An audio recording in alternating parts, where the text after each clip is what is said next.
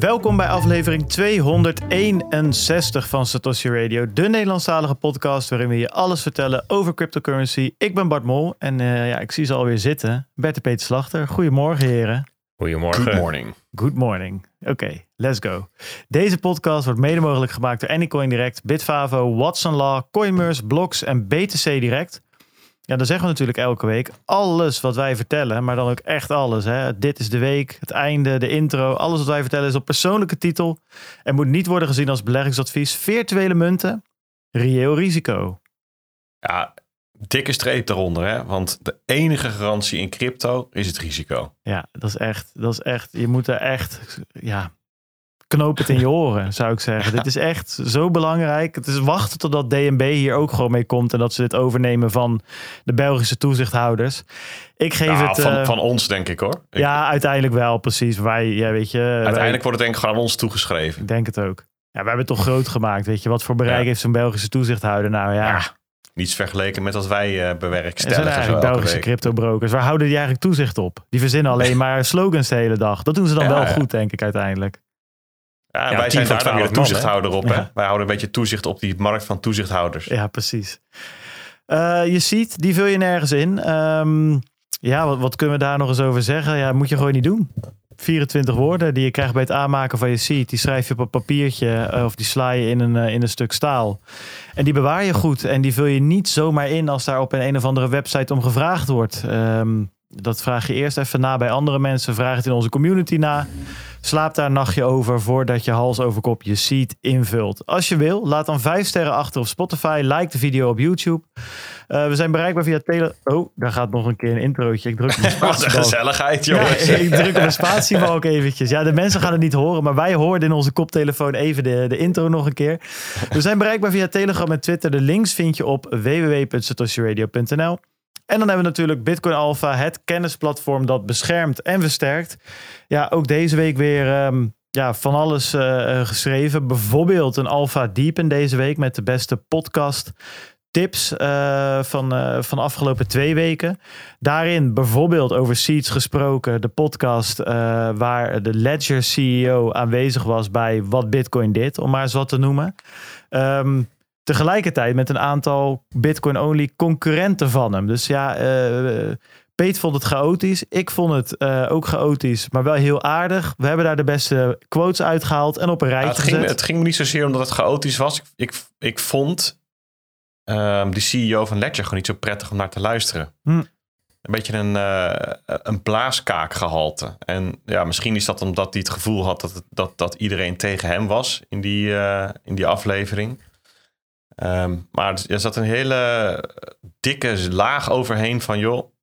eh, ik, weet, ik weet hoe het zit, ik weet hoe het moet. Je hoeft mij niks te vertellen. Ik vertel jullie wel eh, eigenlijk dat er niks is misgegaan. Het was alleen maar een communicatiefout en eh, daarmee klaar. Weet je, zo'n zo'n soort, Ja, zo'n soort gevoel gaf hij mij. En het is prettig als je dat anders interpreteert, want dan heb je dat niet. Nou, ik kan, ik kan het op zich wel plaatsen. Aan de andere kant vond ik dat hij ook wel met een paar aardige denklijnen en argumenten kwam ehm, tegen de, de, de, de dingen die we de afgelopen weken gehoord hebben. Hè, van het is eh, slecht dat eh, jullie hebben gelogen. Eh, jullie hadden belofte dat de seed nooit van je device af kan. En nu kan het wel. Allemaal waar op zich. Zijn punt was ook vooral, ja jongens, je bent altijd vrij om een andere hardware wallet te nemen. Dat vond ik niet zo'n heel sterk argument. Want ja, je beloftes eh, eh, zomaar veranderen, dat is gewoon altijd eh, flauw. Zijn punt is wel van ja, kijk, we zijn misschien niet open source, maar we zijn wel tien jaar op de markt. En reputatie is ook wat waard. Hè? Er is nog nooit een Ledger device gehackt. Eh, vond ik op zich, dacht ik, nou, aardig punt. Maar het sterkste punt vond ik nog dat hij zei, ja, er zijn op dit moment 400 miljoen eh, mensen op de wereld die crypto hebben. Of bij een exchange zitten. Daar, die metric gebruikte hij. Wij hebben 6 miljoen ledgers verkocht. Nou, misschien dat er nog 6 miljoen andere hardware wallets verkocht zijn. Dat betekent dat er gewoon 405 of eh tussen 385 miljoen crypto bezitters zijn die he- ge- geen self-custody doen. Dus we moeten wel iets. En ehm, zo'n zo'n Ledger Recover Service. Zij denken dat dat mensen over de streep trekt. Omdat het opslaan van je seed best wel spannend is. En een hele grote uh, drempel voor heel veel van die exchange gebruikers. En dat dat alsnog wel veiliger is dan je uh, funds op een exchange opslaan. dacht ik ja daar zit ook wel wat in. Dan mogen die, die 5% uh, crypto-maximalisten, want er zitten ook Ether-maximalisten, NFT-fanboys tussen. Die kopen dan een, een, een, een meer geavanceerde hardware wallet. Die laten die functie uit. Maar voor de rest uh, zal dit toch heel belangrijk zijn. En dacht ik, ja, zit ergens ook wel weer wat in. Dus ik vond dat wel interessant. Ja, we moeten wel voorkomen dat we puur door onze Bitcoin bril hier naar kijken. Want want zeker in de Ether-wereld, en ik denk dat op andere chains ook zo is, kun je heel prima zonder hardware wallet toch non-custodial bezig zijn. Gewoon met MetaMask bijvoorbeeld. En dat werkt bij Bitcoin. Is dat niet eigenlijk? Ja, dan moet je een paper wallet hebben en dat is echt heel erg ingewikkeld. Maar, maar ik denk dat er best wel veel gebruikers zijn van um, Metaverse gaming, uh, eh, NFT, DeFi die een MetaMask hebben. Maar en zo kan het met Bitcoin niet dan? Nou, hoe ga je dat dan precies? Hoe ga je precies een transactie maken? Uh, ja, oh, je bedoelt een software wallet. Ja, ja dat zou ook kunnen. Ja, ja. Ja, dan, moet je die helemaal, dan moet je dus zelf zinken met de blockchain of zo. Dan moet je zelf een nood draaien of zo. Ja, oké, ja, dat, dat, stuk inderdaad. Maar je hebt wel je eigen seat en je eigen keys, zeg maar. Dat, dat stuk. Maar goed, ik, ik vond de argumenten ook niet altijd even sterk. Wat jij noemt over, um, over dat ze al lang bestaan. Dat hij, hij dat is een beetje handwavy van alsof lang bestaan een soort van um, zekerheid geeft over de veiligheid van een apparaat. Kijk, uh, ja. wat, het, wat, wat het doet, um, is enigszins uitsluiten um, dat iets op grote schaal misbruikt wordt. Maar het sluit niet uit dat er gewoon zero days zijn die verborgen worden gehouden. Of dat er afspraken zijn met een overheid. Dat is in het verleden wel vaker gebeurd. Nee, sure. Er is, er is, en, maar daar, daar, daar werd dat werd überhaupt niet genoemd, ook door de mensen die daar aan tafel zaten. En ik had ook liever, um, had ik eigenlijk gehoord in die aflevering, welke opties hebben ze eigenlijk allemaal overwogen en welke zijn er nog meer? Zeg maar, welke noemt die CEO niet? Maar zijn er ook denkrichtingen of ontwikkelingen gaande die iets soortgelijks willen um, uh, veroorzaken? Dus het makkelijker maken. Het is, het is, er is een probleem om dat op te lossen zonder dat je derde partijen nodig hebt. Ja, daar, daar ging het niet echt op. Het was een beetje. Dat, dat ben ik met je eens. Ik vind wel het andere punt. Hij ging in van. Er werd hem voor de voeten geworpen. Maak het open source. Want dan kunnen mensen de code bekijken. En dan kunnen ze zeggen of dat goed is, ja of nee. Daar valt wat voor te zeggen. En zijn punt is. Ja, bij ons is het niet open source. Maar we hebben wel 6 miljoen devices al 10 jaar in het wild. Dus ze zijn wel getest. Nou ben ik het wel met je eens dat als je dan iets nieuws toevoegt aan je firmware, dat je daar dan niet zoveel aan hebt. Ik bedoel, ja, dat moet weer opnieuw getest worden voor zes jaar lang. Dus, eh, maar... Ik, ik vind dat punt van Peter wel heel sterk hoor. En dat is even een meta-observatie. Wat ik, ik zie het vaak bij, uh, tegenwoordig bij Pieter McCormack. Daar was dit geloof ik, hè, dit gesprek ook. Ja, bij, en uh, bijvoorbeeld Bitcoin dit. Maar ik zie het vaker bij podcasts die als format hebben een interview. Dat op een gegeven moment de host een beetje ja, um, gemakzuchtig wordt, laconiek. En die, ja, weet je, uh, echt voorbereiden doen we niet meer. Zetten een gozer aan tafel, we laten hem zijn verhaal doen. We proberen een paar intelligente vragen te stellen en dat is het. Maar als je echt echt iets moois wil maken, een, een nuttige, waardevolle show, dan moet je onwijs veel voorbereiding doen. En dan kan je, zoals Peet zegt, ja, alternatief op een rijtje zetten samen met je host. Nu ben je daarvoor volledig afhankelijk voor of de gast dat misschien gaat doen. Of die misschien zelf. Nou ja, er zaten mooi... nog drie andere gasten bij natuurlijk. Hè? Ja, dat is nog erger dan, dan, dan dus, oh ja, jongens, gaan allemaal aan tafel zitten, microfoon en we lullen wel wat. Dat, ja, maar dat, dat viel wel mee. Bijvoorbeeld met Odell heeft eigenlijk de hele, het was eigenlijk vooral MVK, die zijn eigen hardware wallet maakt, die op zich wel aardig het vuur aan zijn schenen legde. Dus ja, goed, ik ben het met jullie eens, maar ook niet, zeg maar. Ik vond het best een wel heel waardevol. Podcast, maar, maar alle dingen die jij zegt, Peet, ja, dat had wel een hele mooie toevoeging geweest. Ja, inderdaad. Dat nog wel een uurtje door mogen gaan met die dingen die jij noemt. ben ik met maar je ik eens. voelde een mooi bruggetje terug naar waar je startte. En ik wou zeggen, wat, wat trouwens wel heel waardevol is, is de alpha diepen. En dat het klinkt alsof het een, uh, een lijstje is van, uh, van 20 podcasts uh, die wij hebben zien langskomen. Maar dat is het niet.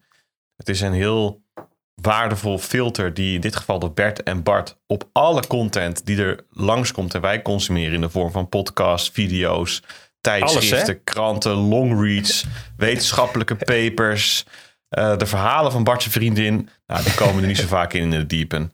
maar die, dat allemaal wordt gecureerd en dan wordt er ook nog bij verteld, dit is wat we ervan geleerd hebben. Dit was de kern ervan. En je hoeft het dan in principe zelf niet meer te, te beluisteren. Dat kan je zo zes, acht uur schelen per week als je dit domein interessant vindt. Afgezien van het, als je het dan alsnog zelf wil luisteren, dat je dan heel duidelijk hebt van, nou, weet je, ik heb, ik heb een uurtje over, dit pak ik op. Ja. Voordat we verder gaan, één ding nog. De laatste tijd is mij regelmatig gevraagd: wat vind je nou van de thesis van Jason Lowry? Dit is die, uh, die ja, dat was de andere podcast hè, die we behandeld. Ja, uh, ja.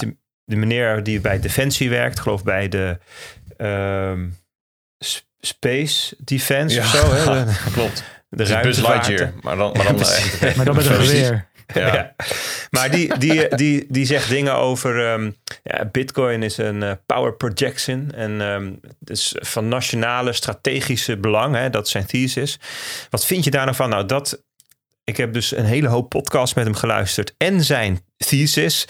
Ja, ik wil zeggen doorgelezen, maar dat is, dat, is niet, dat is geen mens die dat voor elkaar krijgt. Ik heb hem stukjes gelezen en veel gebladerd en gezocht naar waar legt hij nou echt uit hoe het zit. Maar ik, zeg maar, de, het antwoord op die vraag, wat vind je daarvan? Nou, dat staat ook in de diepen.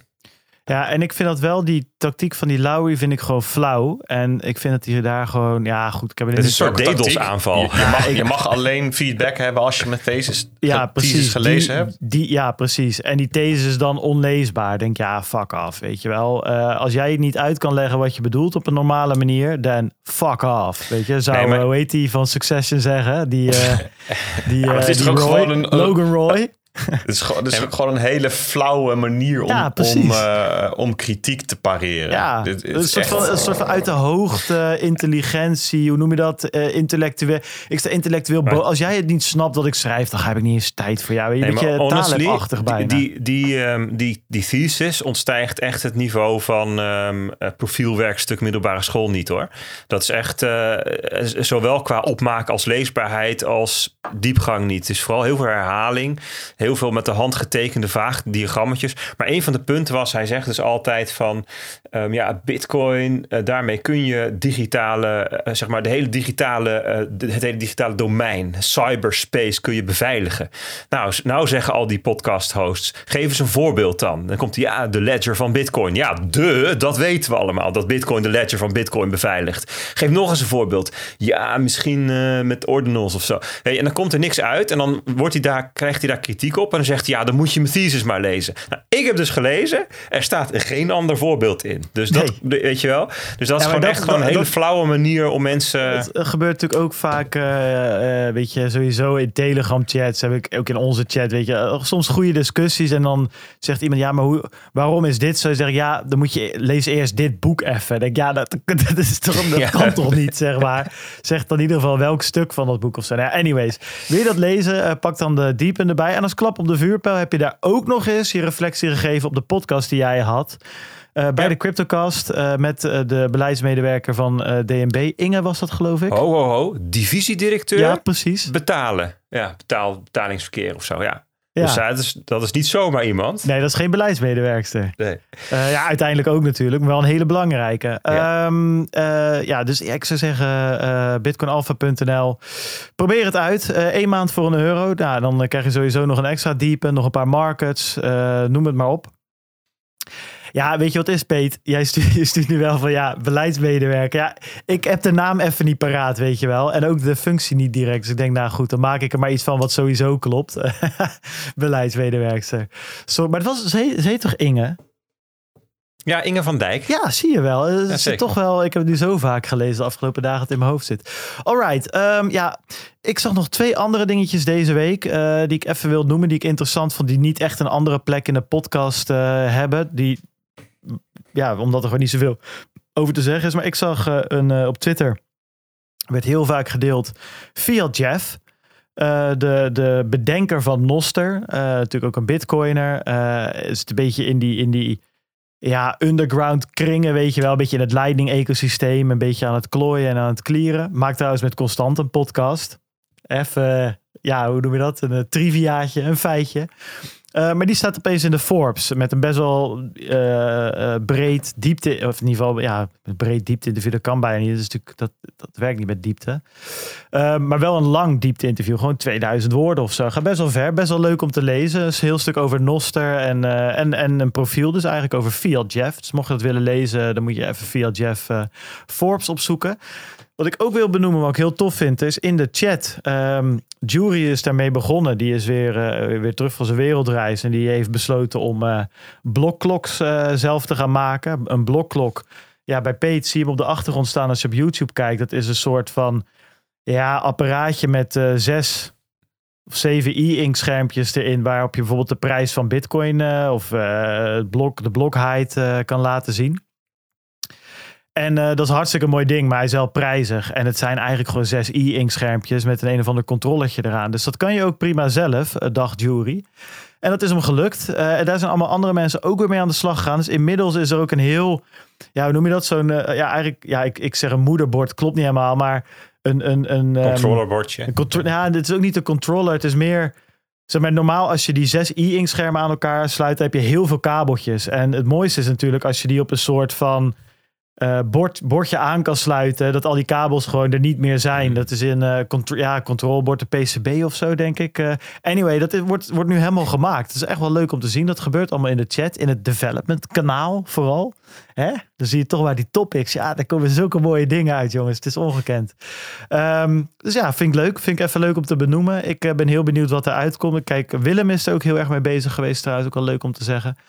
Ja, ik, ik, ik, ben heel benieuwd wat er. Uh, ik zag al wat prototypes langskomen. Het is echt wel heel, uh, heel tof. Een soort do-it-yourself blokklok. Open source, heel gaaf. Dan hebben we als laatste. Vorige week kwam Peter opeens mee dat wij uh, tickets weg gaan geven voor. Wat was het? De Dutch Blockchain Days. Dacht ik, als ik het goed zei. Jij tweette vandaag weer even nog een andere dus blockchain deze doorheen, Peet. Maar ja, dat is ook leuk om naartoe te gaan. Dat is een conferentie van de Dutch Blockchain Coalition. Maar ik had ze even door elkaar gehaald. Ja, uh, wij hebben Dutch Blockchain... En dat is op de 14e, 14 juni. Uh, is over twee weken, uh, voor de duidelijkheid. Uh, ik heb daar uh, winnaars uitgekozen. Ralf en Jack. Uh, ik heb jullie een berichtje gestuurd op Twitter. Jack heeft al op gereageerd. Ralf, jij nog niet, stuur even je e-mailadres terug. En dan zorgen we dat die tickets bij jullie terechtkomen. Of jullie naam ergens op een lijst terechtkomt. en dan gaat het helemaal goed komen. En hebben we dat ook afgesloten. Donaties. Jij schrijft niets na dan noppes, Peet. Klopt dat? Gaat dat zo Zit die bear market zo? Ja, ik zie het, ja. Helemaal niets. Helemaal niks. Niente. Nou, niente, inderdaad. Nou goed, dat is dan wel even wat het is. Uh, Connect World. Stef en Ed spraken met Max de Marco. Ja, dat is wel leuk. Hebben jullie wel zijn filmpjes gezien? Toevallig? Mm, waarschijnlijk, maar ik wist, ik wist dan op, bij het kijken niet dat het van Max was. Nee, precies. Ik denk namelijk wel dat je ze gezien hebt, want op Twitter gingen ze ook best wel rond. Hij ja, hij, uh, hij gaat. Uh, hij maakt volgens mij had hij ook het officiële filmpje voor Bitcoin Amsterdam uh, gemaakt. Okay. Hij houdt een beetje. Ja, ze is een soort Bitcoin vlogger. Dus het is wel leuk. Hij maakt op zich wel gelikte filmpjes, zeg maar. Wat je over het algemeen niet echt ziet bij Bitcoin. Dus ik ben op wel heel. Wel, op zich wel fijn als je filmmaker bent. Ja, maar het is toch. maar je ziet toch. Ja, nee, maar dat snap ik. Maar, waar je in, nee, maar in andere niches, inderdaad, is dat de standaard. Als jij daar niet 4K met mooie animaties, uh, mooie kleuren, uh, mooie shots, mooie uh, filmt, dan kom je er gewoon niet aan de bak, zeg maar. Dat is gewoon een vereiste. En in de Bitcoin-wereld kwam je er toch nog wel mee weg om lekker met je telefoon een beetje slecht geluid, whatever. Weet je, dat. En dit vond ik wel grappig. Een soort van beetje professionalisatie, dus professionalisering. Um, dus luisteren. Max de Marker bij Connect World te luisteren op Spotify, te kijken op YouTube. Dan is het tijd, uh, ome Bert, om eens even te gaan kijken naar de marktupdate, denk ik. Ja, wat... wat um, ik zag wel... Uh, van Omroep Max naar de marktupdate. Ja, ja bij Omroep Max. Dat is toch bazig inderdaad, als hij zichzelf zo had genoemd. Anyway, maar ik wel wat serieuze zaken nu, waar ik wel benieuwd naar ben. Um, Peter had er ook wat over geschreven in de nieuws deze week. Dat schuldenplafond, uh, daar zit beweging in. Maar het, het, is door het een goedgekeurd, nog niet door het ander. even de instanties in de Amerikaanse, ja, hoe noem je dat? overheid, zeg maar. We hebben het congres en het house en weet ik het allemaal. Dus ik ben wel even benieuwd waar dat ligt. en of dat nog... Ik zag PTS nog wat door over Bernie Sanders. Misschien kunnen we het daar even over hebben. Weet ik niet. Ben ik wel benieuwd naar. Ehm, inflatie zag ik in Nederland. Eh, FD zag ik daar vanochtend wat over schrijven. Dus um, en, vorige week gaf jij volgens mij al aan dat er recessie in Duitsland was. Dat was toch vorige week? Was het, hadden we het daar vorige week over gehad? Nou, niet echt gehad, maar volgens mij. Uh... Het was wel toen inderdaad, uh, de krantenkoppen waren er wel net, geloof ik. Ja, ja. zoiets. Ja. Dus, um, en nou ja, wat toevallig. Ik zie gewoon hier die bullet points voor me staan. En ze zitten er bijna allemaal in. Dus dat moet wel uh, een goede marktdate gaan worden. Uh, dus ik, zeg, ik zou zeggen, trap maar eens af. Maar um, ja, kijk, ja, kijk maar waar je begint, zou ik zeggen. Ik, ja, ben, ik zit even te, nog te kijken in de aantekeningen van vorige week. Maar vorige week was nou, live show, hè? We hebben het er niet lang over gehad. Nee, nee. maar... Ik, genoemd volgens mij, laat ik het zo zeggen. Ja, laten we gewoon eens beginnen bij uh, de koersen. Want Bitcoin zag ik vanmorgen 27.000. Um, ehm, en vanmorgen, vannacht, was ook um, het begin van een nieuwe maand. Het is vandaag 1 juni. Dus de vorige maand is ook zo'n beetje op 27.000 gesloten.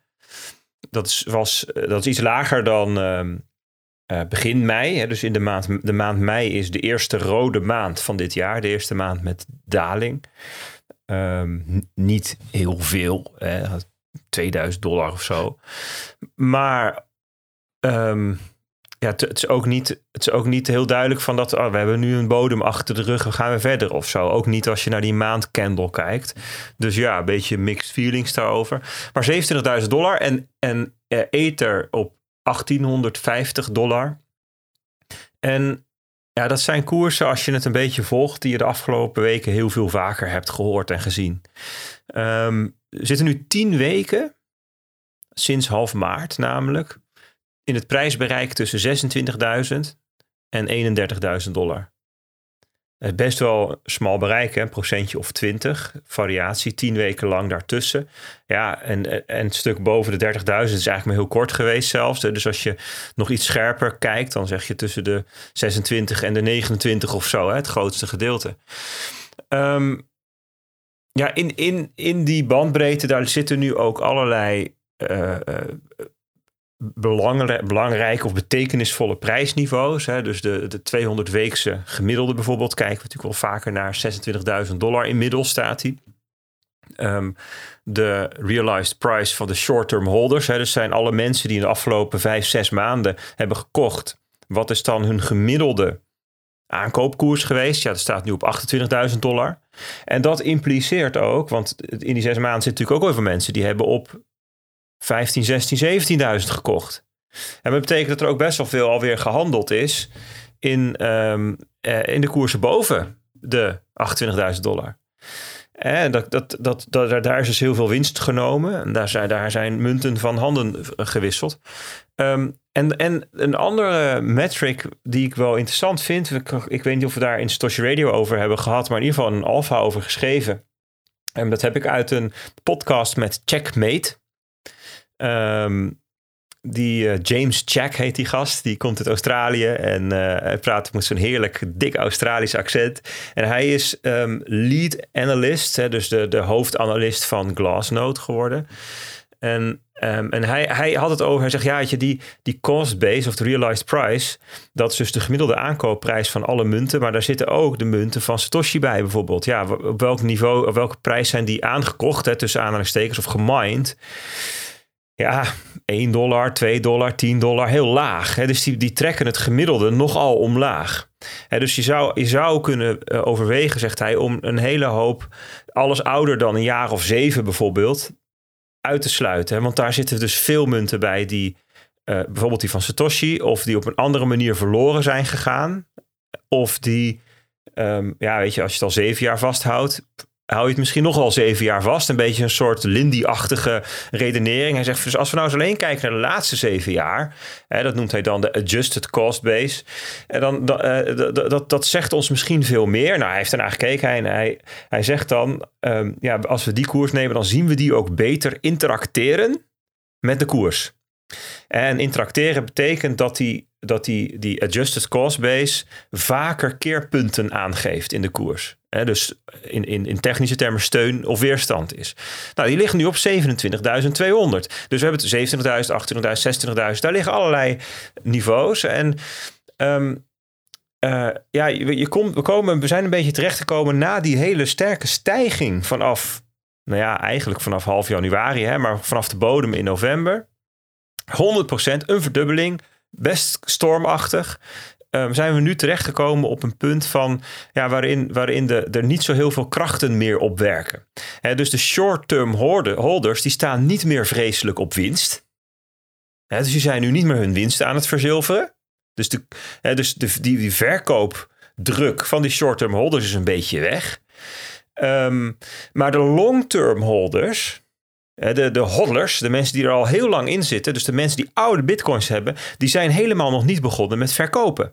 Dus de huidige koersen vinden zij niet aantrekkelijk om te zeggen, nou weet je, dit is wel een koers waar tegen wij het willen verkopen. Dus ja, er, er, is niet zoveel, er wordt niet zo heel veel meer aan getrokken aan die koers.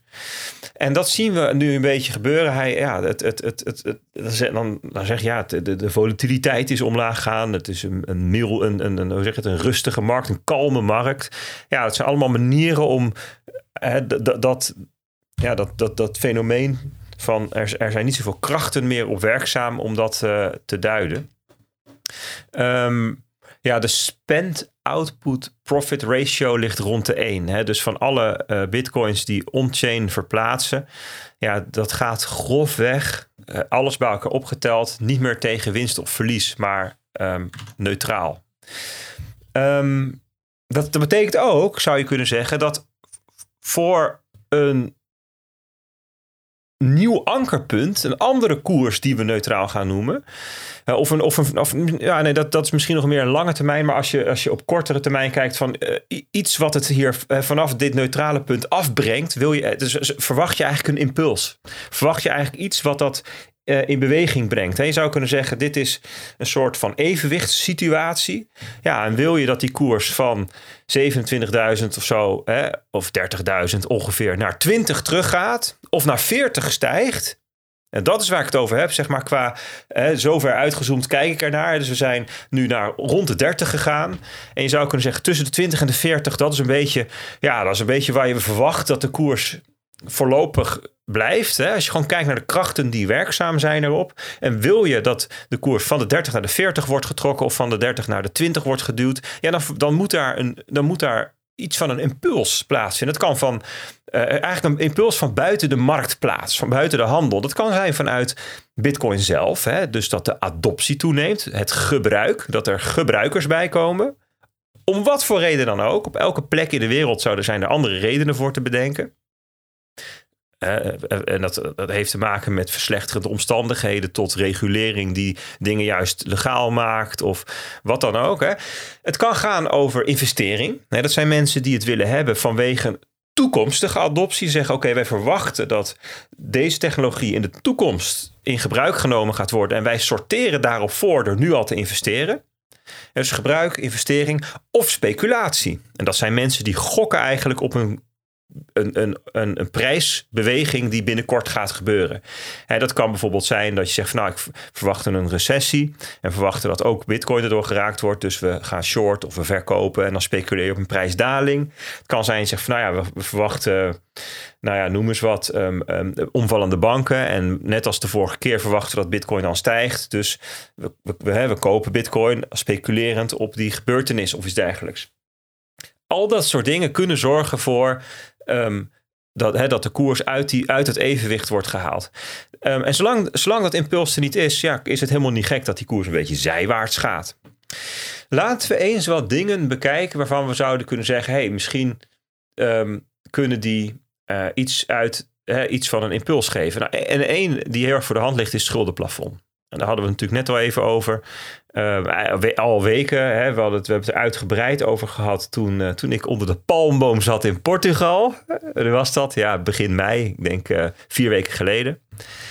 Um, wat het is, hè, dat weet inmiddels denk ik iedereen wel. Want um, er wordt ook heel veel over geschreven. Kranten, NOS, nu.nl.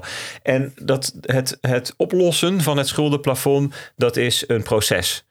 Dat gaat over um, onderhandelingen. Het gaat over een principeakkoord. Dat gaat dan over dat er op gestemd moet worden in een soort Tweede Kamer en dan in een soort Eerste Kamer, hè, senaatachtige constructie. En dan uiteindelijk uh, een, een, handtekening en dan, dan, dan is het daar. En ja, eigenlijk al uh, een week lang zien we dat daar stapjes worden gemaakt in dat proces.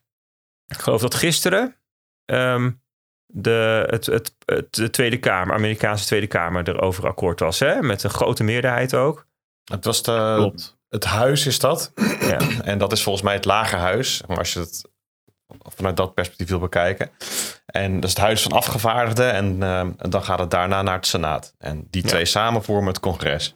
Precies, en dan als het daar helemaal doorheen is, gaat het vandaag naar de Senaat, geloof ik. Hè? Of morgen, wat was het ook weer? Weet ik niet precies. volgens mij vrijdag. Maar Biden heeft wel gezegd dat ze haast moeten maken. Ja, want dat is het probleem. Hè? Even over haast gesproken. Um, de, de, de, de, er is nog een soort van nou, laten we zeggen, de betaalrekening. Hè, de betaalrekening van de overheid. De TGA heet die de Treasurer's General account. En ja, dat je, daar heb je een buffertje op. Hè. Veel mensen hebben dat. En dan, nou ja, ineens in de zoveel tijd komt er geld binnen. Hè. Dat is dan bij de huishoudens vaak het salaris. En dat is dan bij de overheid de belastinginkomsten. Dan wordt de pot weer wat groter. En tussendoor stroomt die leeg door allerlei uitgaven. Alleen Amerika heeft um, uh, structureel een, een begrotingstekort. Uh, dat moet ook omdat ze de wereldreservemunt hebben. Zouden ze dat niet hebben, dan zou je ook dollartekort krijgen in de wereld. Maar consequentie daarvan is dat ze dus regelmatig moeten lenen. En leningen moeten uitgeven, obligaties moeten uitgeven. En dat kon nu niet door het schuldenplafond. En dat betekent dat langzaam de betaalrekening leegloopt, de TGA, uh, naar nul toe. De target, hun doelstelling is zo'n beetje rond de 700 miljard erop te hebben. Um, en nou ja, dat was het. Het begin van het jaar was volgens mij zelfs nog daarboven. En dat is nu dus, nou ik geloof dat er nog 40 miljard of zo op stond. 20 miljard, beetje die orde grootte. Ja, dat is, dat is vergelijkbaar met dat jij op je betaalrekening nog 20 euro hebt staan of zo. Weet je wel, van nou ja, ik kan, ik kan, uh, ik kan pinnen bij de supermarkt voor de maaltijd van vanavond. Maar als toevallig, uh, um, uh, laten we zeggen, de energiemaatschappij eerst ja, is, precies, ja. Dan, dan, kan je niks meer, weet je, zoiets. Maar... Um, dus, dus, dus, dus, dus zegt Biden, we moeten haast maken. Hè? Want um, ja, als, we, als we bij de nul zijn, dan, dan moeten we iets. Dan moeten ik we heb hier nog even de data en naampjes er even bij. We zaten goed hoor, maar even om ze nog even helemaal af te hameren. Uh, op de 31ste, dus gisteren, uh, is die door de House of Representatives gegaan. Met een margin van 314 tegen 117. Dus inderdaad, uh, dikke, dikke ja, hoe noem je dat? Uh, meerderheid.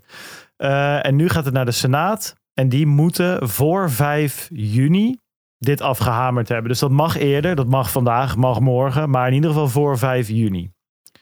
Dus dat, uh, dat is ja, even en, het proces verder. En dan gaan we er maar eens even vanuit dat dat gaat gebeuren. Dat is wel een interessante constructie trouwens, want ze hebben dus niet gekozen voor een nieuw schuldenplafond. Maar ze hebben gekozen om voor een bepaalde tijd het schuldenplafond te negeren met elkaar.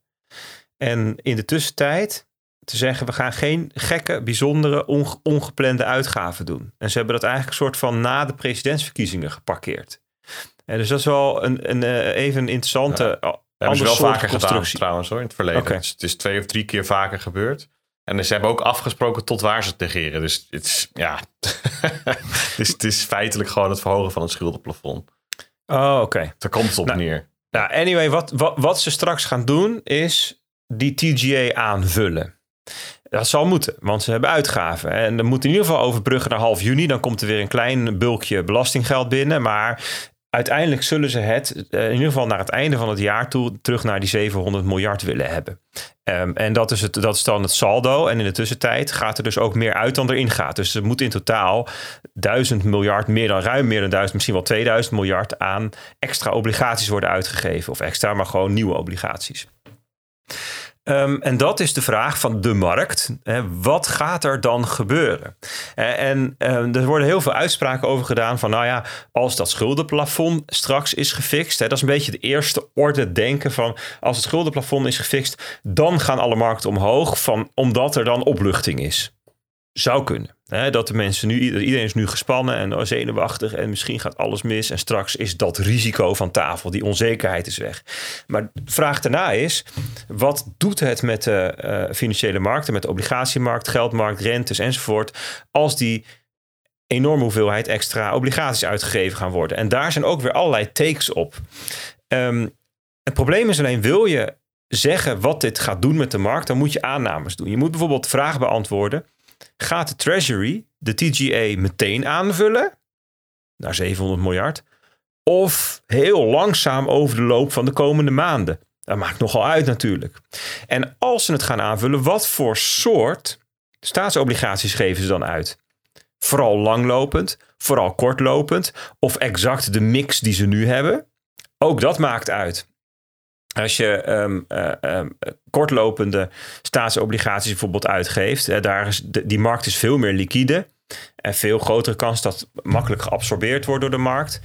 Ehm, en dan is er nog de vraag van oké, wie gaan die dingen dan kopen? en er is een groep die misschien heel graag die hele kortlopende staatsobligaties wil hebben. Dat zijn de, de geldmarktfondsen. Die zitten nu in een hele grote hoeveelheid in de reverse repo facility. Er is eigenlijk een soort parkeerplaats bij de Federal Reserve waar je je geld neerzet en dan in ruil daarvoor, je, je, je, leent eigenlijk een obligatie en je krijgt dan de rente op die obligatie die je leent. Dat is hoe dat werkt. En dan krijg je nu de overnight reverse repo offering rate van 5,05% of zo. Um, die ligt overigens onder de federal funds rate. Um, en wat ze zouden kunnen doen is ervoor zorgen, hè, als je heel, heel veel kortlopende statieobligaties op de markt brengt in korte tijd, dan loopt de rente daarvan op tot ruim boven die 5,05 procent. En dat kan een reden zijn voor die money market funds om te zeggen: hey, we, gaan, we halen ons geld uit die reverse repo en we gaan die kortlopende obligaties kopen. Als dat gebeurt, dan steriliseren die geldmarktfondsen eigenlijk de uitgifte van die obligaties. En want er wordt dan geen geld ontrokken uit de banksector. Dat zijn gewoon het geld wat nu al in, in, in, obligaties zat, die geleend werden van de Fed. Die zitten dan in obligaties die uitgegeven zijn door de, door de overheid. Dus er verandert dan helemaal niks in de rest van de financiële wereld. Dat zou kunnen dat dat gebeurt. Maar de vraag is: gaan money market funds overstappen van reverse repo naar die nieuw vers uitgegeven obligaties? Um, en, uh, kan je zeggen: kijk ik alleen naar de rente? Die moet hoger zijn, maar dus het kan ook een hele andere reden zijn waarom ze dat niet willen. I don't know. dus er zijn allerlei, de meningen daarover verschillen ook. Dus je, er zijn allerlei mensen die expert zijn in de treasury market. Die zeggen, ja, ik denk dit. Of op basis van vorige keer denk ik dat, weet je wel. Ja, ja maar ja, de situatie is misschien wel weer heel anders. Dus um, ik zou eigenlijk niet kunnen zeggen van... Uh, als, die, als het schuldenplafond gefixt is gaat er dit gebeuren? Je kan dus een mix krijgen van, van allerlei soorten reacties. Een eerste reactie eh, op basis van het risico of de onzekerheid die weg is. Een tweede reactie op basis van eh, de obligaties die worden uitgegeven. En nou ja, we moeten maar kijken hoe zich dat dan ontwikkelt. Dus um, ja, ik zou daar op basis daarvan nu niet een, um, een hele uh, stellige positie innemen. En zeggen van nou ja, laten we maar eens even kijken hoe dat deze keer uitpakt. Hè? Want elke keer is ook gewoon de situatie anders. Nou goed, dat is even één mogelijk impuls.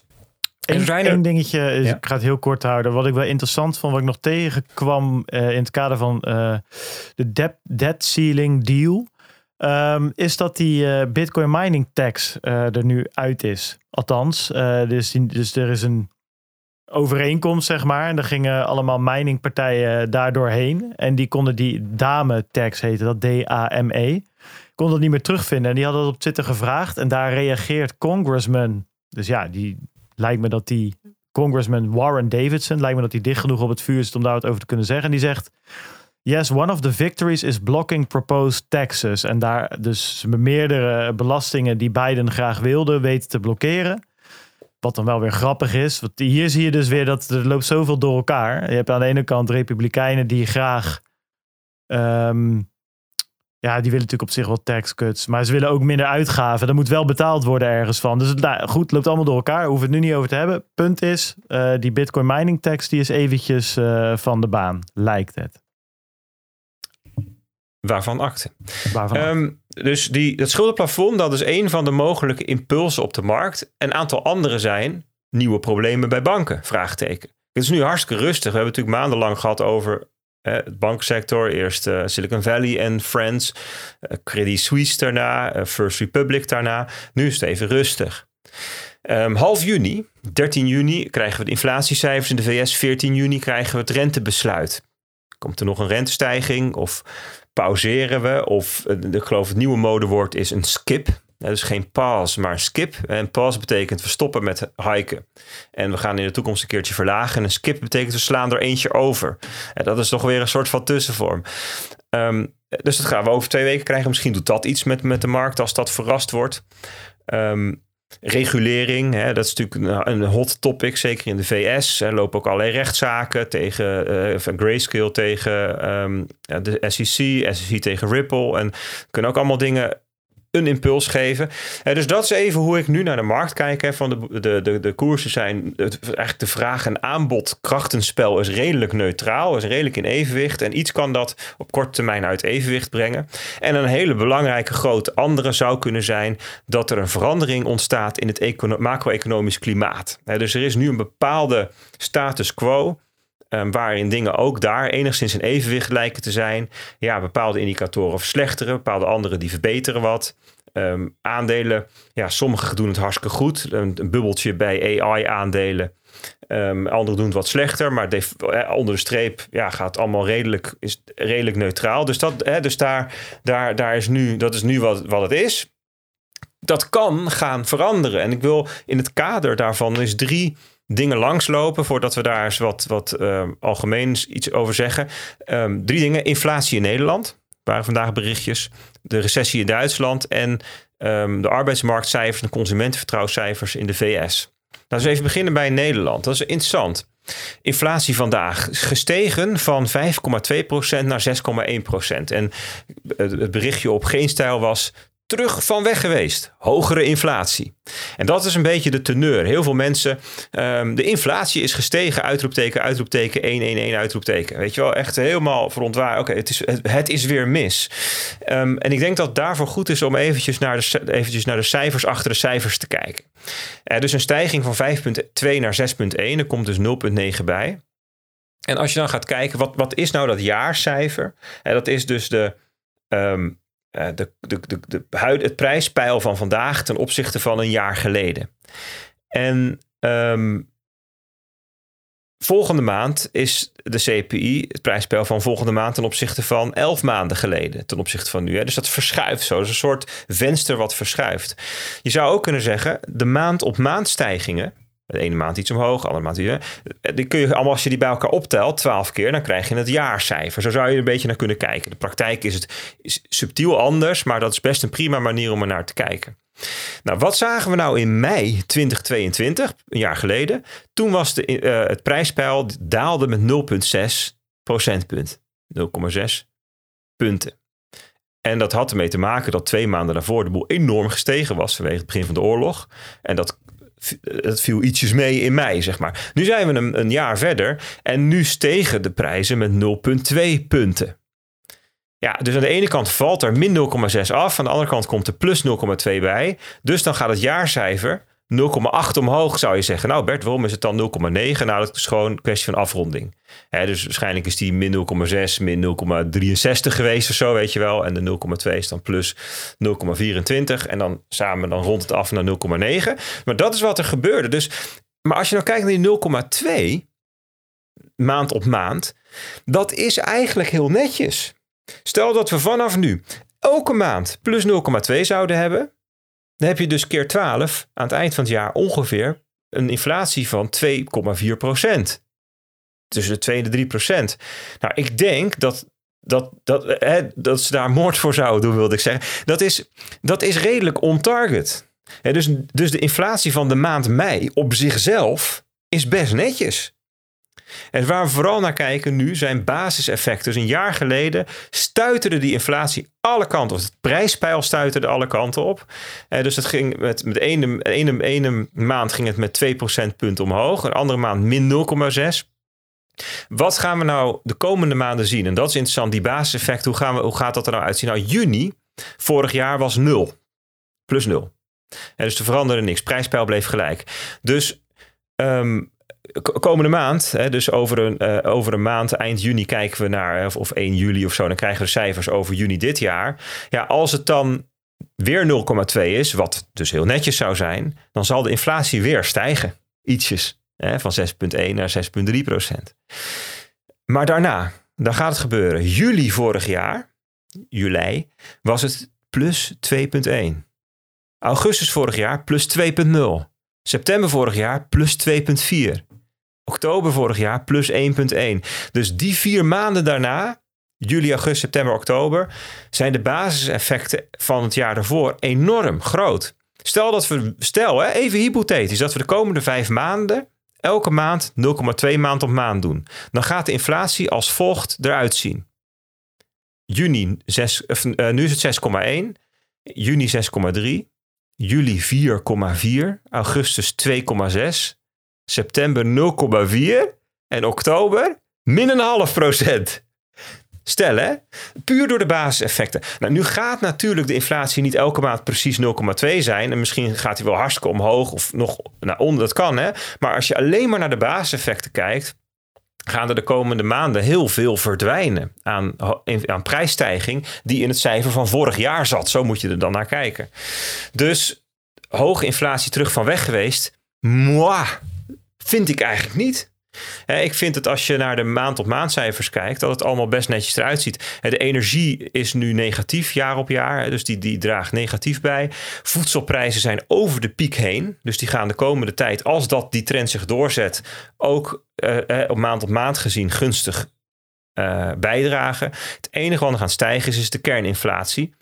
Um, dat zijn de industriële goederen en dat zijn de, de diensten. Daar zit natuurlijk een groot component van lonen in. Ja, lonen die stijgen. Die blijven ook nog wel even stijgen. Want ja, Mark Rutte die, die riep een jaar geleden op. Verhoog de lonen. Bonden, jullie moeten oproepen tot loonstijgingen. Ja, bedankt uh, Rutte voor deze loonprijsspiraaltje. Nou, het is een kleintje. Hè? Het is niet echt een spiraal nog. Um, maar ja, en uiteindelijk gaat het om de vraag: hè, hoe ga je nou de prijs stijging verdelen tussen bedrijven en huishoudens. En dan zegt Rutte van oké, eh, de pijn moet niet alleen bij de huishoudens liggen, die moet ook voor bij de bedrijven liggen. Dus je moet ieder voor iets van loonstijging hebben. En dat werkt dus niet per se helemaal door.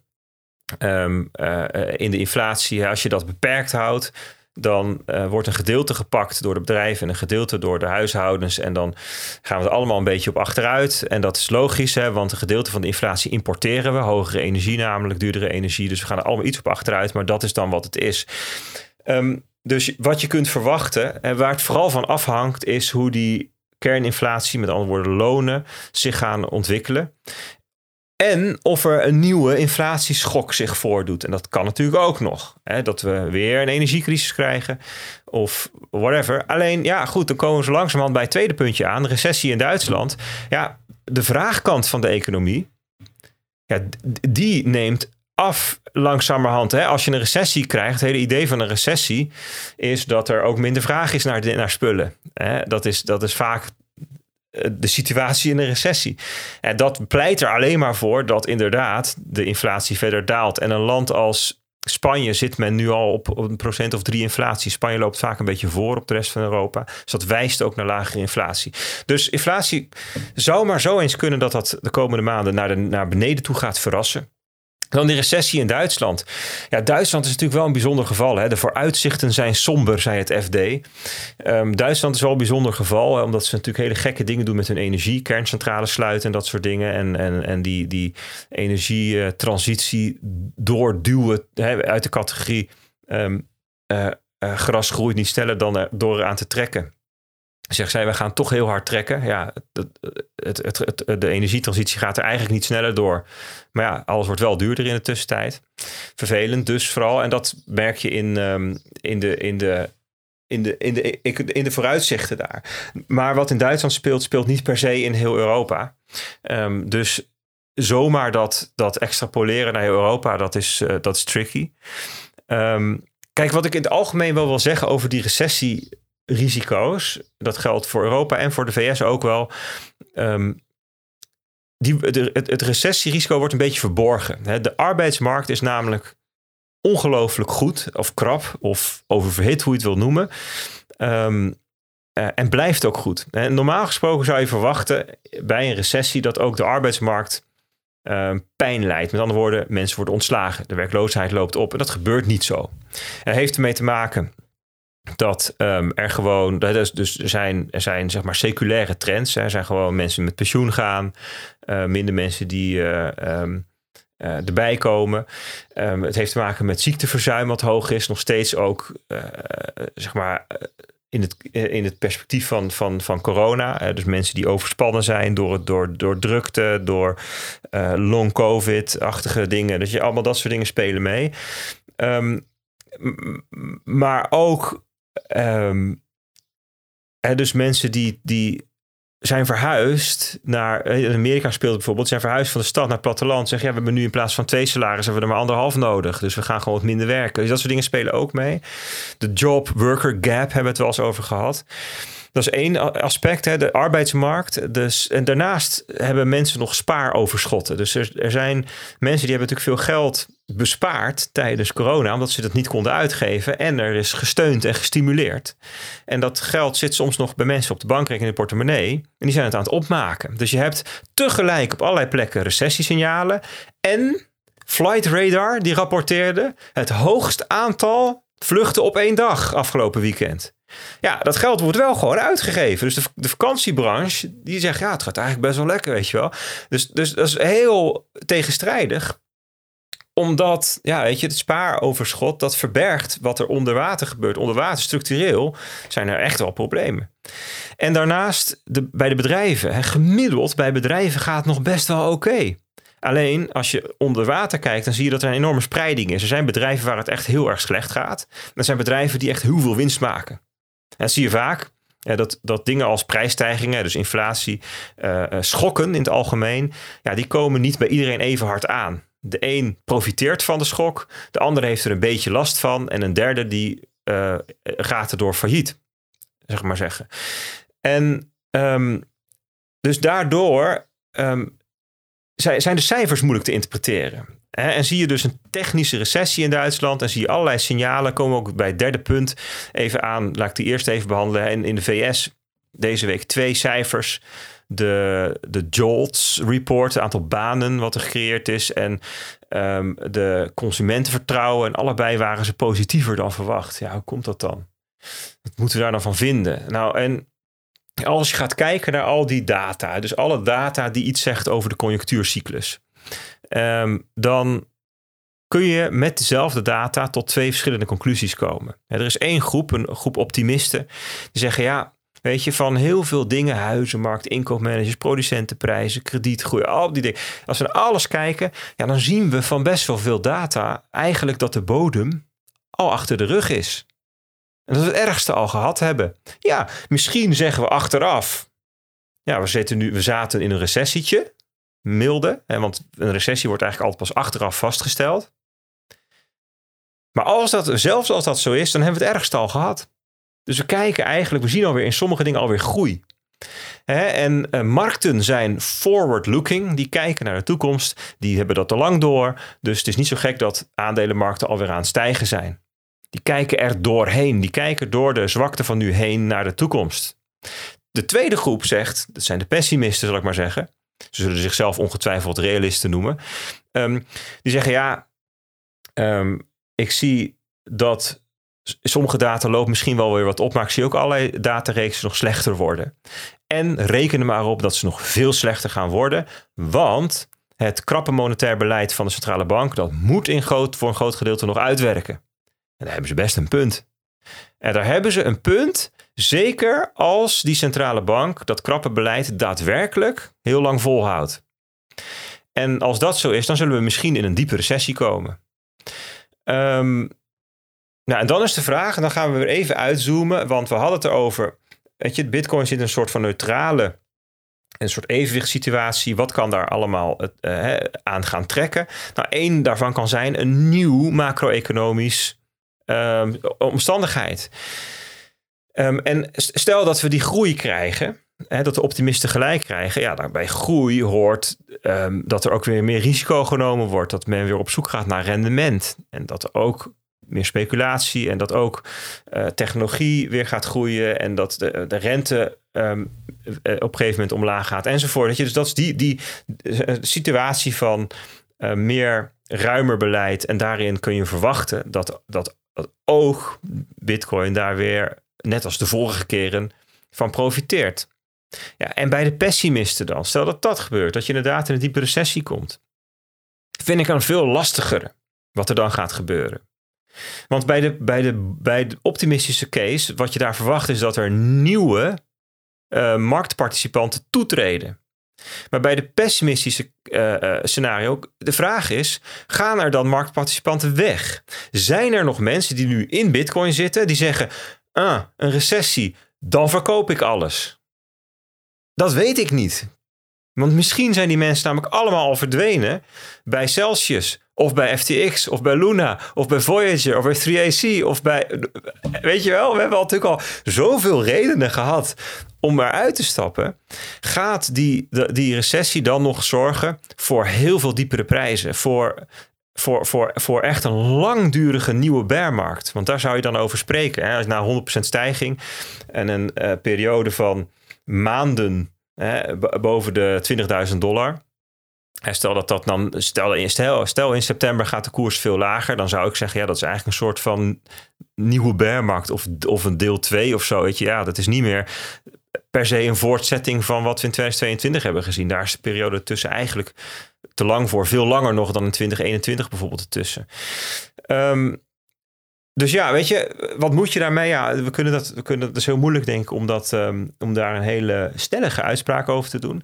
Dus wat ik zou zeggen, mijn basisscenario is ehm, dat we, en dan kijk ik ook even naar de marktcyclus waar we zitten, dat we voor de boeg hebben een lange periode van zijwaarts tussen 20 en 40.000 dollar. Um, waarin regelmatig de bulls worden gefopt met onterecht eh, optimisme. Dus de koersen stijgen, iedereen is optimistisch. Kijk, dit en dat, uh, stoere praatjes komen weer, stoere memes, stoere grafieken. En dan raakt die koers, laten we zeggen 35.000 en dan paf, toch weer naar beneden. Voor mijn part 42. Even met zijn koppie boven die 40k en dan toch keihard naar beneden. En aan de onderkant de bears worden gefopt met onterecht pessimisme. Koers naar beneden.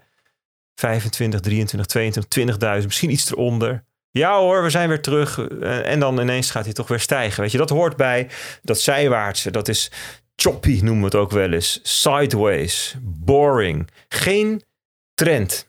Het stijgt wat, het daalt wat. Dat is voor hele korte termijn handelaren prima. Hè, want die eigenlijk het enige wat ze nodig hebben is volatiliteit. Als het maar beweegt, dan kunnen we er wel uh, geld mee verdienen. Uh, althans, in de meeste gevallen verliezen. Maar in ieder geval, we kunnen handelen. Um, wil je graag een trend volgen? Hè, handel je op de trend, wat best wel veel uh, wat meer professionele beleggers ook doen. Hè, um, ja, dat is lastig, want die is er niet. Dat is hetzelfde tussen 2019 en 2020. En die periode, als je gewoon gaat kijken, dan zie je dat, dat, dat de markt eigenlijk zijwaarts gaat. Ja, je ziet wat erboven, wat eronder. Maar de, de, wat, de, de, zeg maar de, de, de waaier aan gemiddelde, ja, die, die, um, die slingert heen en weer. En geen duidelijke trend. En die trend die kwam pas eigenlijk na de zomer van 2020. En die duurde dan ja, ruim een jaar. Hè. Dan had je een stijgende trend. Nou, daarna kregen we een jaar en een dalende trend. We hebben, we hebben, we hebben wel trends gehad, alleen nu even niet. En um, ja, dus dat, dat is denk ik dan um, waar we aangekomen zijn. We zijn na, na een bearmarkt in 2022 hebben we een, een aantal maanden van herstel gezien waarin de koers duidelijk omhoog getrokken werd. En zijn nu aangekomen op een punt dat er in principe evenwicht is. En wil, en wil je iets van um, beweging op lange termijn, dan heb je dus echt adoptie nodig. Wil je beweging op korte termijn, dan is er iets nodig wat het eventjes een kant op duwt of trekt. Ja, sluit ik me bij aan. Gelukkig. Dat was hem, hè, volgens mij. Nee, maar ja, ik bedoel, ik bedoel, soms sluit ik me er niet bij aan, maar vaak, heel vaak ook wel. Mo mooie, uh, die drie laatste punten, mooie opsomming van, uh, van dingen die afgelopen week in nieuws zijn gekomen, waar mensen toch zoiets hebben van hoe moet ik dat nou plaatsen? Ik denk dat je dat heel goed uh, op een rijtje hebt gezet. Um, ja, wat wel, we zaten van tevoren een beetje te denken Althans, we zitten dan met z'n drieën tegelijk uh, zonder dat we elkaar spreken of zien in hetzelfde document te werken vaak. Hè, s ochtends even alles op een rijtje zetten en dan... Het grappige is dat er dan organisch vaak al iets ontstaat van, nou, dit is interessant voor later, dit wordt de hoofdmoot van de show. Ja, en Peter, we hadden toch deze week een beetje, ja, wat, wat is er nou allemaal precies gebeurd of zo? We hebben toch alweer wat, wat dingen uh, denk ik, kunnen, kunnen groeperen. Want dat is vaak wat, wat je dan krijgt. Van joh, dat, dat op zichzelf één nieuwsfeitje misschien niet zo interessant is. Maar zijn er drie, dan kan het wel eens een patroon zijn. Hè? Zou uh, Weilen Peter R. de Vries uh, zeggen. Ze hebben er weer een paar deze week. Um, ja, en dat, dat wordt dan toch een beetje, denk ik, Bert een verlengde marktupdate. Ergens een beetje. Het had ook in de marktupdate gekund, maar dat maakt niet uit. Veel mensen vinden dat toch heel leuk. Maar het was gisteren, en dan heb ik het over 31 mei. Ja, het leek wel alsof wat je ook wel bij de belastingen vaak ziet, dat je dan toch op, op, op de laatste dag dat het mag, dat er waarde zit om bepaalde administratieve slash financiële zaken dan te doen. Nog even een factuur sturen voordat het kwartaal over is of voordat het jaar over is. Of nog even een aangifte doen voor een bepaalde uh, dag. En het leek alsof bij de Nederlandse bank ze ook zoiets hadden, maar dan voor persberichten. het was gisteren schering en inslag. Dus ik, ik denk dat we die maar even af moeten gaan lopen, jongens. Zal ik er eens even eentje uitpakken die ik wel interessant vond. Uh, ik las... Uh, op het FD, eh, ja, in het FD, eh, dat banken en DNB eh, een compromis sluiten over knellend witwastoezicht. Um, ik denk dat jullie dat ook gelezen hebben. Um, wat, wat, dat is wel heel interessant. We hebben het al, al, al jaren over. Wij volgen dit. Um, ja, hoe noem je dat? Indirect. Het is niet per se crypto-relevant, maar ook weer wel, want hetzelfde witwastoezicht uh, is inmiddels ook gewoon van toepassing op de cryptocurrency sector. Dus alle uh, bitcoin bedrijven, onze sponsoren bijvoorbeeld, om maar eens wat te noemen.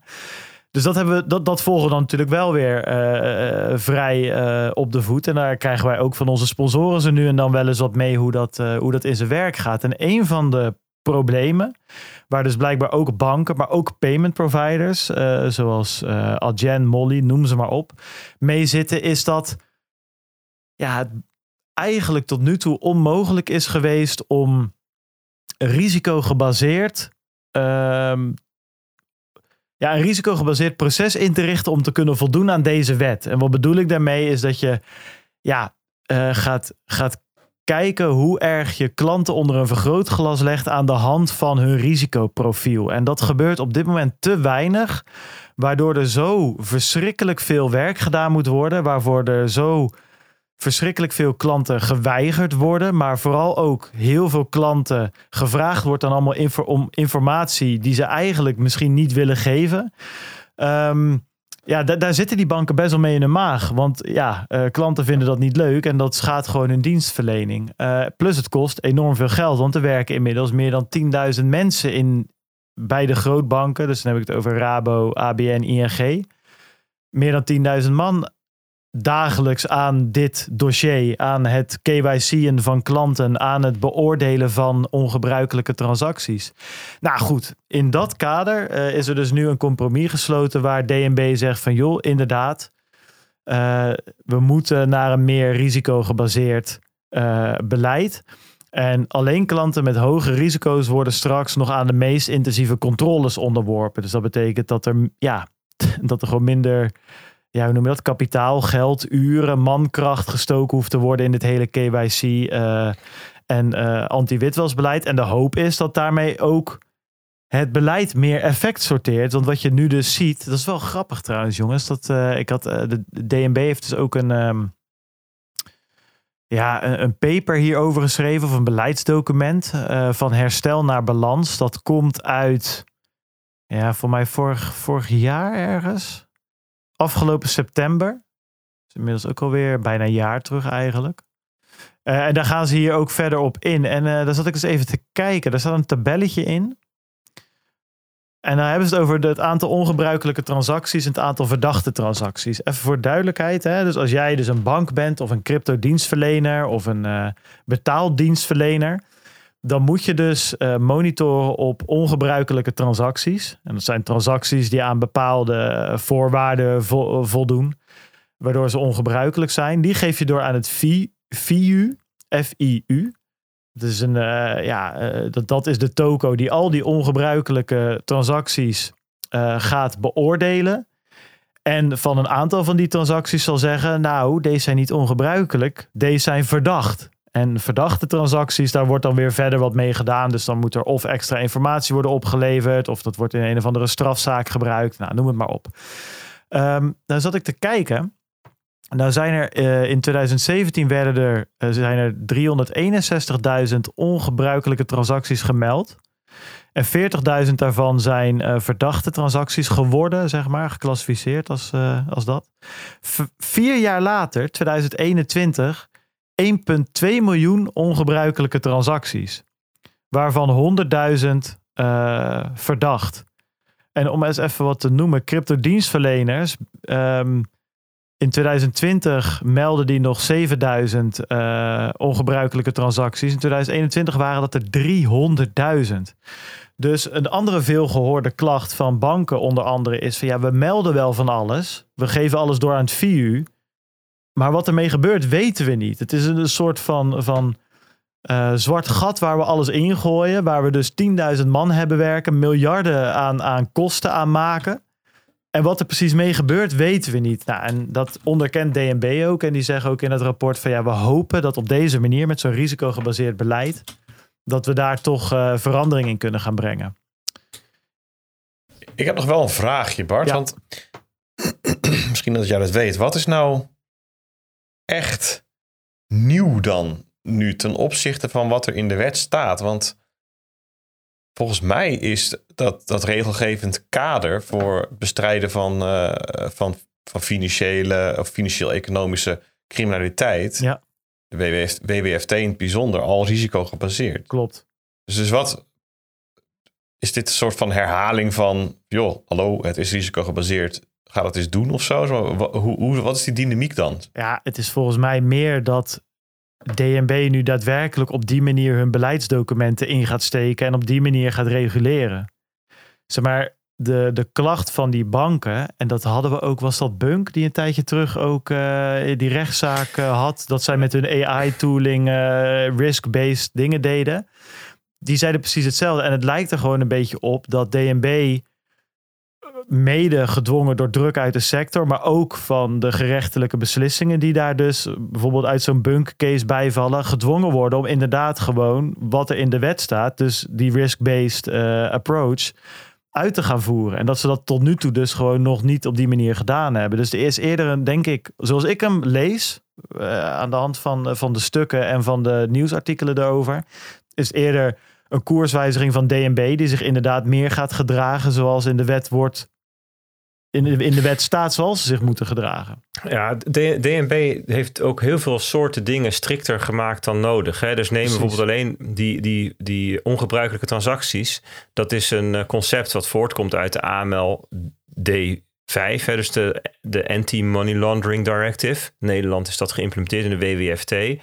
En zij, zij, zij zijn, wij zijn het enige land waar het concept ongebruikelijke transactie bestaat.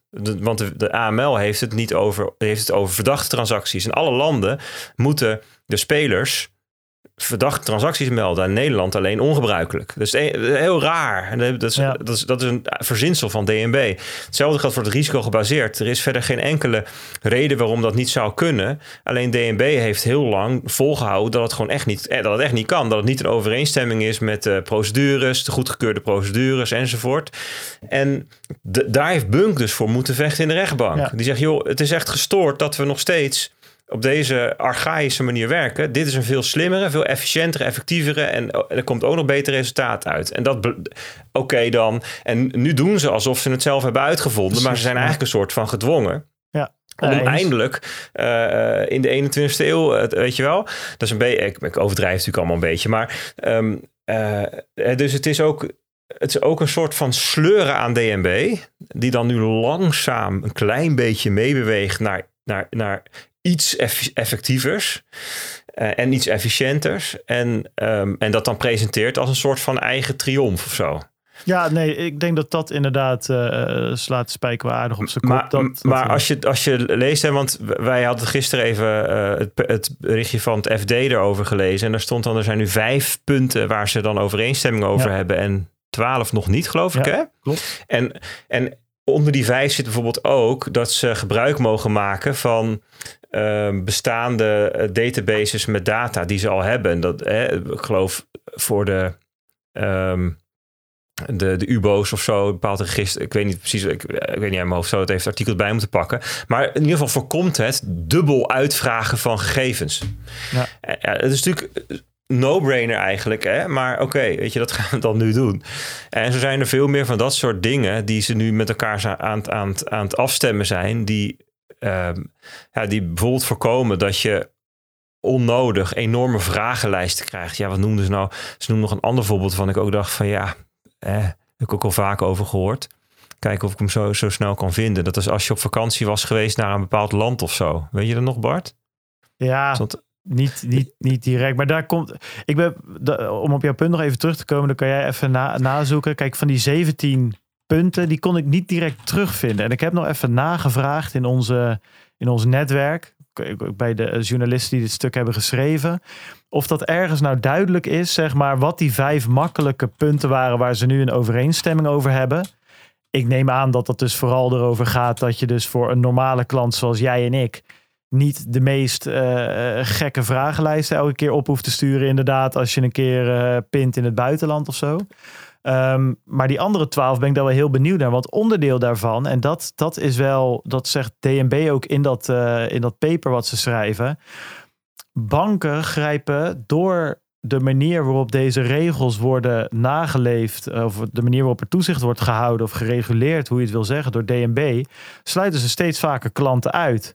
Hè, we kennen allemaal uh, de cryptobedrijven natuurlijk, die moeilijk een um, uh, bankrekening kunnen krijgen. Maar coffeeshop, escortbedrijven. Maar uh, het wordt steeds breder, weet je. Autohandelaren, auto, betaalhandelaren, juwelieren, noem het allemaal op. Alles waar cash in het spel komt. Zelfs ja, gaan we niet doen, want het is de kosten gewoon niet waard. En vanuit de bank is dat best te begrijpen. Maar het is nu dus wel goed om te zien dat, dat DNB in ieder geval wel doorheeft van ja, shit, weet je, er zitten wel allemaal, uh, we verstoren wel daadwerkelijk, um, ja, die, die betaalmarkt zou je eigenlijk kunnen zeggen, of de bankensector. En dat is gewoon publiek goed, weet je. En de, dat is het niet waard. En ik denk dat ze dat, goed, die kant lijken ze op te gaan. En of dat nou door een carrot of een stick of door beide is, Weet ik niet. Ik denk vooral um, stick. Heb, maar, ik, um, ik, heb ondertussen, terwijl jullie aan het praten waren, heb ik de context gevonden waar ik naar op zoek was.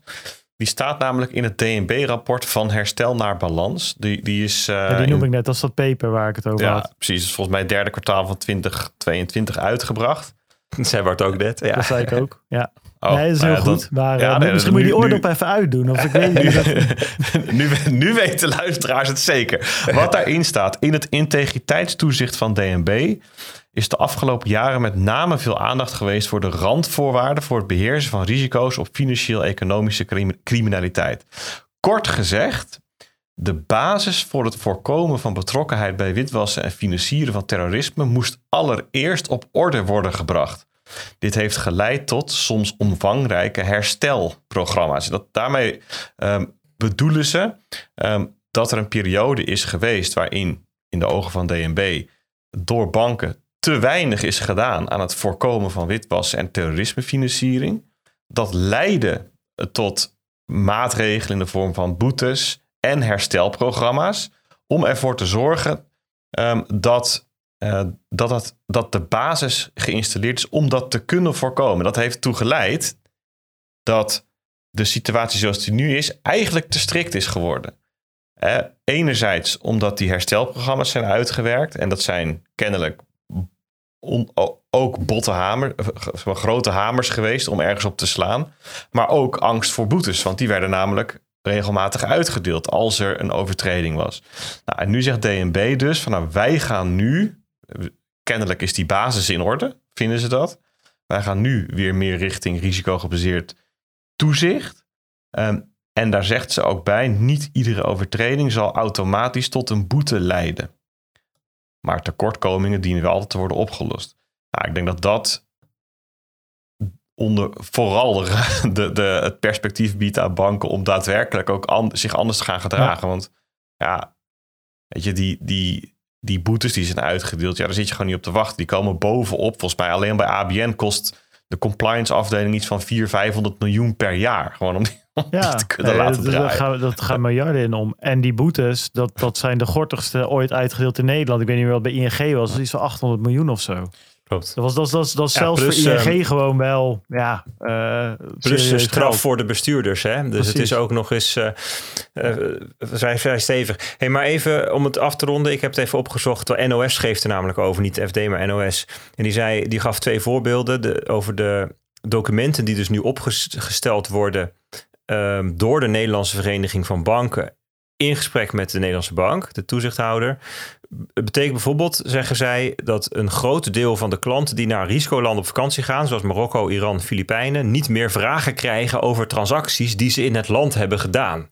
Een van de dingen die ik ook wel eens hoorde, hm, weet je wat me nou is overkomen. Een andere verandering is dat bedrijven en stichtingen niet meer apart informatie hoeven aan te leveren aan de bank over wie de eigenaar van het bedrijf is, als die informatie ook al in het UBO-register staat. Dat is ook van die dingen. De mensen zeggen, wat moet ik allemaal, dat weten ze toch, weet je wel. Dus ehm, en dat, dat, dat zijn tot nu toe dan die eerste vijf. En dan komen er dus nog twaalf van dit soort punten. Waar ze ook naar cryptobedrijven gaan kijken. Ehm, dus op zichzelf is dit denk ik uh, voor best wel wat frustratiemomentjes van mensen die denken van bank, waar bemoei je je mee? Of bank, wat maak je het lastig allemaal? Dat daar misschien een periode van enige uh, soepelheid Ontspanning. Ja, zeker. Ja, ja. overigens wel grappig. In dat rapport staat uh, ook een heel stuk over. Uh, welk rapport? Ja. Wanneer, wanneer, is die? Uh... Vorig jaar. Nee, maar zat dus ook een heel verhaal over data delen onder banken en digitale identiteiten. Dus dan gaat niet zozeer dat ze dan dat de datahonger minder wordt, maar dat de klant daar minder last van die datahonger heeft. He, omdat die data, dat ze die beter uit publieke registers kunnen trekken of dat ze die met elkaar delen. Dat is ook wel een interessante afweging. En Peter, inderdaad, wat je net zei, ik denk dat die. Uh, de, de, de, de situatie schets helemaal klopt. En ik denk dat dat mooi overeenkomt met wat Bert aangaf. Ze weten het mooi in hun eigen riedeltje te spinnen. Terwijl het overduidelijk is dat ze gewoon wel enigszins door wat rechters her en der deze kant op gepoord zijn. Weet je wel, van joh jongens, uh, ga nou even normaal doen, want dit slaat nergens op. Uh, daarover gesproken, rechters, poren, DNB en even normaal doen. De crypto wereld uh, heeft ze, is ook weer uh, richting de rechtbank gegaan. Voor mij gisteren. Voor mij is het nog niet helemaal duidelijk wat er nou allemaal uh, is. Is er nog geen uitspraak? Althans, dat zal wel verbeterd worden door Simon. Als de Nederlandse crypto-wereld dan, hè? Ja, klopt. ja, de, ja de, de, de, de VBNL. Laat ik het daar, de, de Vereniging Bitcoin Bedrijven Nederland. Dus Coinbase, Binance en zo zitten daar niet bij. Uh, en dat is belangrijk om even te noemen, want de sector is boos, die Nederland van origine Nederlandse bedrijven. Want die zeggen ja, die buitenlandse partijen uh, die mogen van alles doen. Die zitten hier al jaren marktaandeel weg te vreten, krijgen een klein boetetje. En uh, ondertussen betalen wij ons helemaal blauw aan toezichtskosten. Bijvoorbeeld, wat ik hierin las, nog een paar interessante dingetjes in, ook uit FD trouwens. Uh, Lightbit was daar ook. Um, althans, een afgezant van Lightbit. En uh, we weten natuurlijk, Lightbit stopt ermee. Um, maar goed, hier waren ze dus nog bij. Uh, en er staat in 2020 boekten we een verlies van 700.000 euro. Bijna de helft daarvan bestond uit toezichtkosten, DNB. Dat is niet meer vol te houden.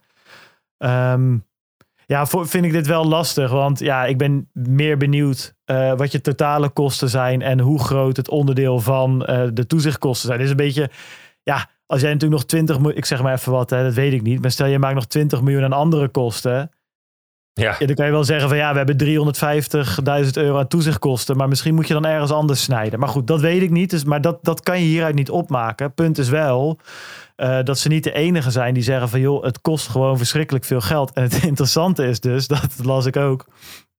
Um, de proceskosten tegen een Binance en een Coinbase, want natuurlijk, die hebben allebei een boete gekregen van DNB. Die proceskosten die worden opgenomen in de toezichtkosten. Dus die andere Nederlandse partijen betalen met z'n allen voor de proceskosten van DNB om Binance en uh, Coinbase uh, in, in het gareel te krijgen en houden. Um, ja, god, dus dat, dat de, de, ik, ik snap het wel. Er zit wel een bepaalde uh, oneerlijkheid in. Nou weet ik niet in hoeverre... Zo krom als een hoepel. Dat voelt iedereen aan. Ja, joh, dit, hier word ik ook gewoon... elke keer als, als ik hier weer dit dossier opentrek... word ik daar weer plaatsvervangend uh, boos over. Ja, aan de dit, andere dit, kant... Dit is helemaal terug te herleiden naar, naar gewoon uh, liegen en draaien... in de Tweede en Eerste Kamer, hè? Ja, klopt. Dit, dit is een vrij, vrij lange historie van... Ja, van, van wassen neuzen, loze uitspraken... voor de gek gehouden worden... En, en dan komt het allemaal uit. Ik vind terecht dat je hier als sector boos over bent. Um, en dat je dit voor de rechter brengt. Weet je, dit, nee, zeker. En ik denk niet eens dat het zozeer gaat om de hoogte van de, van de toezichtskosten. Maar dat ze passen bij wat er is afgesproken. Ja, dit, deze, deze kosten passen niet bij het registratieregime dat nu nog geldt. Nee. Kijk, als Mika komt, ja, dan moet je je gewoon voorbereiden op een ander kostenniveau. Weet je, als dat is ingevoerd, dan, dan is dit standpunt lastiger vol te houden vanuit de cryptosector. De toezichtskosten zullen dan waarschijnlijk ook hoog zijn. En ook hè, als, als um, duur worden ervaren. Maar dat, dat weet je enkele jaren van tevoren dat dat gaat gebeuren. Weet je, en, en um, ja, wat, wat, wat de sector hier is voorgehouden, ja, daar is gewoon echt helemaal niets van, van waargemaakt. En dat staat nog helemaal los van dat ontzettende kromme gedoe met boetes die worden uitgedeeld aan steenrijke partijen. Die boetes zijn relatief laag, in mijn opinie. Ik bedoel, ze hebben dan wel het onderste uit de kant te halen, maar die boetecategorie die zou misschien dan gewoon opgerekt moeten worden. Zo'n schuldenplafond. Ja, zo'n boeteplafond. Ja. En, dan, en, dan, en dan moet je daar als sector nog voor betalen ook. En, en van, van wat die boetes opleveren, zie je niets terug. Weet je? En even nog naast dat, dat die partijen gewoon lekker doorgaan om die sector uit te zuigen. Vanuit het perspectief van de Nederlandse bedrijven. Nou, eens. ik, uh, eens. Kijk, ik, denk. Ik, ik, wil één, één dingetje in, uh, of in ieder, geval, in ieder geval zeggen, wat, wat brengt DNB hier tegen in?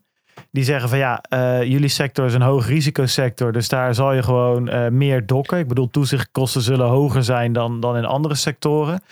Op zich, of dat waar is, ja, ik denk het niet in Nederland. Maar aan de andere kant, ja, kan ik het, kan ik het ze na een jaar als afgelopen jaar niet per se kwalijk nemen. Nee, zeg maar dat was het, het was in 2020 ook al een hoog risicosector. Daar is niks aan veranderd. Dus nee. dat argument nee, um, nee, eens, houdt geen ik, stand tegen, tegen Hoekstra die zei die kosten worden niet zo hoog. Eens, eens, eens, eens. Ik, ik ben het ook met jullie eens. Ik zeg alleen even, dit is, dit is wat ze aandragen en oké. Okay. Um, kijk, waar, waar, wat, waar ik nog het meeste uh, mee zit, is dat. Um, en, en daardoor voelt het oneerlijk en is het dat waarschijnlijk ook. Is willen DNB wil geen inzicht geven in de kosten. Dus zij zeggen gewoon: wij, uh, ons budget is 3 miljoen per jaar, dat hebben we nodig. En jullie gaan dat dokken, gedeeld door 20. Hè? Dat, dat, dat is nu hoe, hoe het gaat. En daar heb ik wel zoiets. Uh, ja, dat, het is een nieuwe een jonge sector, nieuwe sector. Jullie zeggen het is hoog risico. We hebben daar uh, een enorme bak met geld voor nodig om dat rond te breien. Nou, splits het maar. Vertel maar eens zeg maar, hoe je dat dan uit aan het geven bent, zeg maar.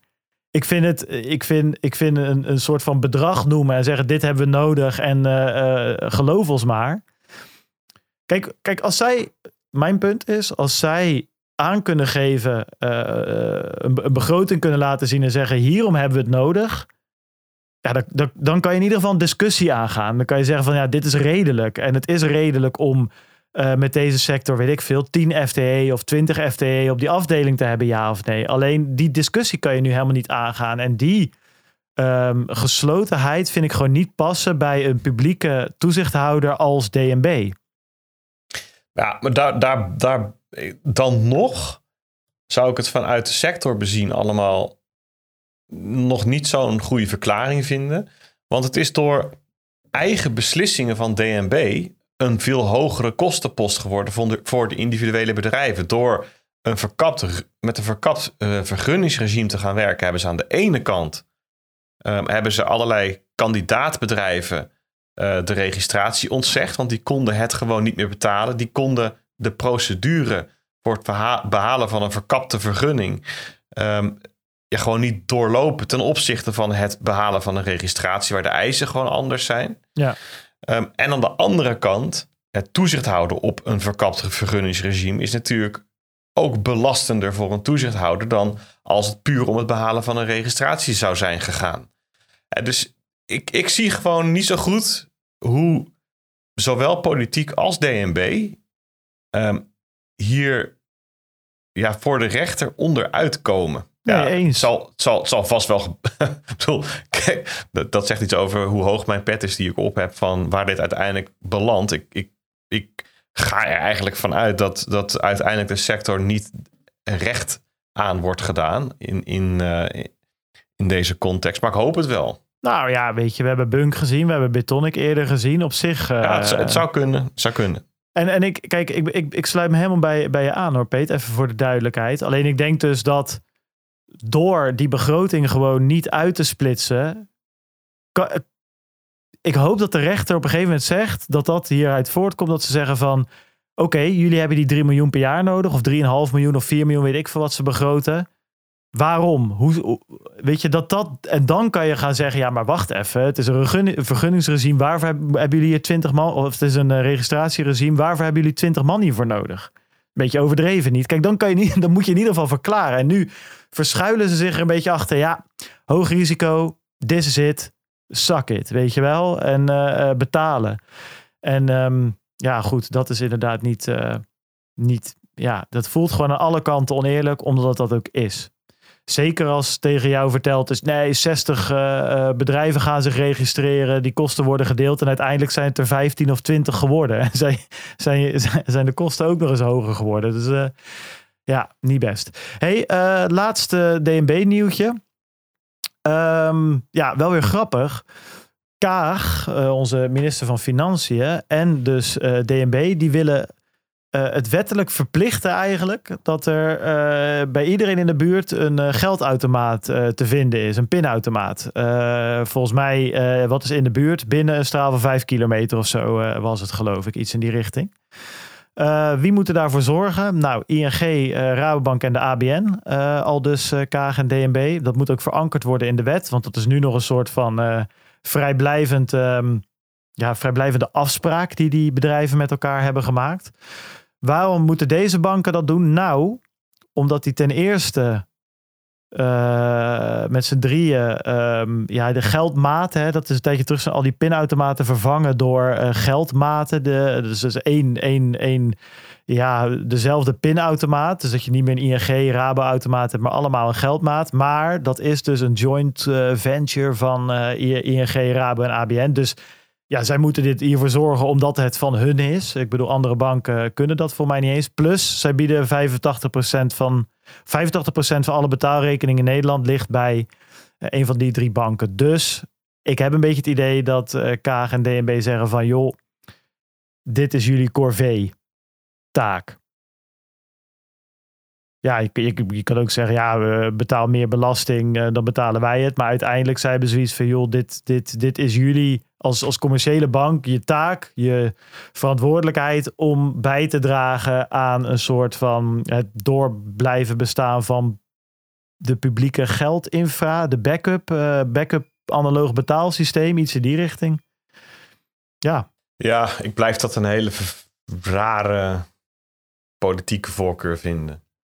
Ik publiek geld zorgen ervoor dat het vanuit um, de overheid dan ook goed geregeld is door het bij banken neer te leggen, ja, dat is voor hun toch een, een, soort sluitstuk. Het is niet dat ze fan zijn van, eh, van het moeten werken met contant geld of zo. Of contante transacties en, en, en meer. Weet je, de, dat, daarom gaat, verplichten ze het ook in de wet. Ja, ze verplichten dat het, dat het er is. Maar dat wil niet zeggen dat, ze, dat de banken het onderste uit de kan gaan halen. Dat je daarmee um, contant geld uiteindelijk de beste ervaring geeft. Terwijl dat wel het uitgangspunt zou zijn van als je dat als als publieke instelling zou verzorgen. Maar het hoeft toch alleen maar uit de muur te komen? Mm, ik weet niet of, je, of, het, of het met alleen maar uit de muur komen gerocheld is. Confetti erbij, de beste ervaring. Nee, maar goed, het, het, het aantal geldautomaten is nou niet echt hoog of zo. Dat is, al, dat is jaar op jaar is dat aan het verminderen. dat is precies het punt van die wet natuurlijk. Nou, ik, ik weet niet wat de, uh, wat, de, wat de details zijn in de wet. Hè? Dus dat daar dan voorgeschreven wordt er moet binnen een straal van zoveel meter voor iedereen een geldautomaat beschikbaar zijn. Dat is het uitgangspunt van de Dat is het uitgangspunt van deze wet. Ja. ja. En, en uh, oké, nou hoe, hoeveel, uh, hoe, hoe zit dat dan? Is dat beter dan nu het geval is? Of? Ja, Uh, of in ieder geval uh, hetzelfde. Geen verdere verslechtering. Dat haal ik er niet direct uit. Maar er komt een minimaal, minimum voor het aantal geldautomaten in Nederland. die voldoende over het land verspreid gaan. Uitgangspunt is dat iedere Nederlander binnen vijf kilometer van een pinautomaat woont. Ben ik het wel met je eens? Kijk, op zich heb ik er niet zoveel tegen dat dit soort corvée-taken in de wet uh, vastgelegd worden. Kijk, wat je wel krijgt, en, en daar sluit ik me op zich ook wel bij, bij jouw gevoel aan. Kijk, ik kom van een boereneiland. Kijk, dat je in de stad het voor elkaar krijgt, weet je. Kaag komt ook uit de stad. Uh, Klaasje Knot die zal ook wel ergens... Weet je, tuurlijk krijg je daar binnen vijf kilometer zo'n geldautomaat wel geregeld. Um, in het platteland, daar heb je ook gewoon plekken waar er gewoon vijf kilo. Moet je dan een geldautomaat in een, in een weiland gaan zetten of zo? En dat is natuurlijk altijd wel een beetje het probleem waar vrije markten en uh, soort van overheidsinterventies of interventies van bovenaf elkaar bijten. Ja, als je dat echt zo in de wet gaat verankeren, dan krijg je dus daadwerkelijk een geldmaat ergens in een weiland op een gegeven moment. Hè? Dat is even een heel extreem voorbeeld. Het is, is, niet als je dingen verplicht, wetgevend gezien, en bedrijven moeten dat doen. En inderdaad, ze hebben daar misschien niet eens zo zin in. En is zoiets van, ja, we doen het maar. Maar we gaan er verder niet over nadenken. En of er het meest optimale uit voortkomt, uh, dat, dat, dat, dat, dat, ja, dat zien we dan ook maar. Ja, dit soort dingen hebben ze natuurlijk in andere sectoren ook al wel gehad. Hè? Dit soort vraagstukken van brievenbussen tot en met scholen en weet ik veel wat. En ze hebben altijd wel uh, uiteindelijk zinvolle criteria weten te formuleren. Dan kun je, misschien kun je zeggen van joh, binnen vijf kilometer binnen de bebouwde kom of zo. Hè? Zodat een random boerderij op een random eiland ergens voor de kust van Nederland, dat er niet een geldmaat heen hoeft. Ik bedoel, dat, dat, dat soort dingen kunnen ze op zichzelf wel verzinnen. Dus ik ga ervan uit dat er op zich wel wat, uh, wat zinnigs gaat komen. Kijk, het is op zichzelf wel een, een breder vraagstuk dan alleen maar het contant geld. Hè. Het gaat ook over waar heb je nog bushaltes, waar heb je nog winkels waar je even je avondboodschappen kan doen, bibliotheken. Um, het zei ik nog net al, je basisscholen. Hè. Ik bedoel, is ook zoiets van ja, weet je, een basisschool onder de 50 kinderen. Ja, dat wordt dan lastiger. Dan mogen ze hem opheffen en zo. Dus dat zijn ook allemaal van die, ja, weet je, op, op sommige, sommige plekken op het platteland, waar je dus zowel leegloop als vergrijzing hebt. Ja, is, zijn het gewoon wel grote zorgen. En dan hebben we het in Nederland eigenlijk nog best wel goed. Hè? Dus je hebt in hele stukken van Europa, Frankrijk, Spanje, Italië, dat gewoon hele dorpen ophouden te bestaan. Omdat er gewoon, ja, het is gewoon niet meer houdbaar. Het is gewoon niet meer, de, zeg maar, de, de, de infrastructuur is niet meer betaalbaar. Iedereen gaat gewoon weg. Het is gewoon een dorp te koop voor een euro, weet je wel. Dat soort, dat soort dingen. Dus de leegloop, de vergrijzing, leegloop van het platteland, de vergrijzing, ja, dat zijn wel... Uh, ja, ja precies. en en ja, weet je, ik ben in zo'n dorp opgegroeid. En als daar gewoon het busstation verdwijnt, dat is gewoon ja, voor jong heel vervelend. Maar ja, die kunnen in ieder geval op een fiets of scootertje 16 kilometer naar de dichtstbijzijnde Zuipkeet. um, maar, maar voor de oudjes wordt het wel echt heel erg vervelend. En eerst zag je de supermarktjes, daarna de bakker. En daarom mijn punt van ja, op zich vind ik dan ook prima om die knakkers op de Zuidas gewoon op te leggen van joh, zorg maar dat er in, in ieder geval in zo'n dorpskern of zo nog iets van een geldmaat te vinden is. En ja, het kan ook in een winkel, hè, in de buurtwinkel, zo'n ATM of zo. Weet je, er zijn natuurlijk allerlei uh, dingen mogelijk. Dingen denk. Kijk, het, dat vind ik het wel het voordeel van het aan de markt opleggen. Eh, weet je, dat is, daar zitten wel mensen die creatief worden. En die het ook weer iets decentraal kunnen doen. Zeggen, joh, laat de regio-manager Zeeland er dan even over nadenken. In plaats van dat een of andere ja, weet je, Excel-piraat in Den nou Haag alles gaat zitten Precies, intypen. dat is natuurlijk wel een beetje het ding. Dat je in, in de Zuidas een paar uh, net afgestudeerde rakkers... Uh, ja, een of andere consultantachtig figuur die dat eventjes in, uh, in Excel zet. Ja, de, achter die nummertjes zit wel zit ook gewoon een omaatje die niet rond kan komen. nee, maar dat is ah, ergens wel waar. Je hebt ook nog gewoon uh, gemeenten en zo, hè? Maar, uh... de, tuurlijk, tuurlijk. maar mijn punt is, die zet je buitenspel op het moment dat je dit volledig aan grootbanken overlaat. Goed, anyways. wel interessant. En interessant dat Kaag hier dus ondanks dat ze lid is van de uh, reptielenclub, uh, toch zo aan het strijden is voor cash, weet je wel. Kaag wil, wat, waar komen we nou uiteindelijk op uit? Wat is het patroon hier? de vraag achter, ik stel alleen maar vragen. Kaag wil uh, cash. Kaag wil, wat is het nog meer? wat zien we hier? Bank en DNB, het witwastoezicht wordt naar beneden bijgesloten. Minder data van klanten. Wat is er aan de hand? Wat is er met het kabal is, aan de hand, Dat is dankzij um, ja, toch wel uh, ja, het, het rechtse spectrum van de politiek. Hè? Die hebben dat toch, die hebben dat toch weten te balanceren. Ja, Precies. Ja. Al die ja, inderdaad, al die demonstraties bij de Tweede Kamer, ze hebben geluisterd. we hebben het toch mooi voor elkaar gekregen.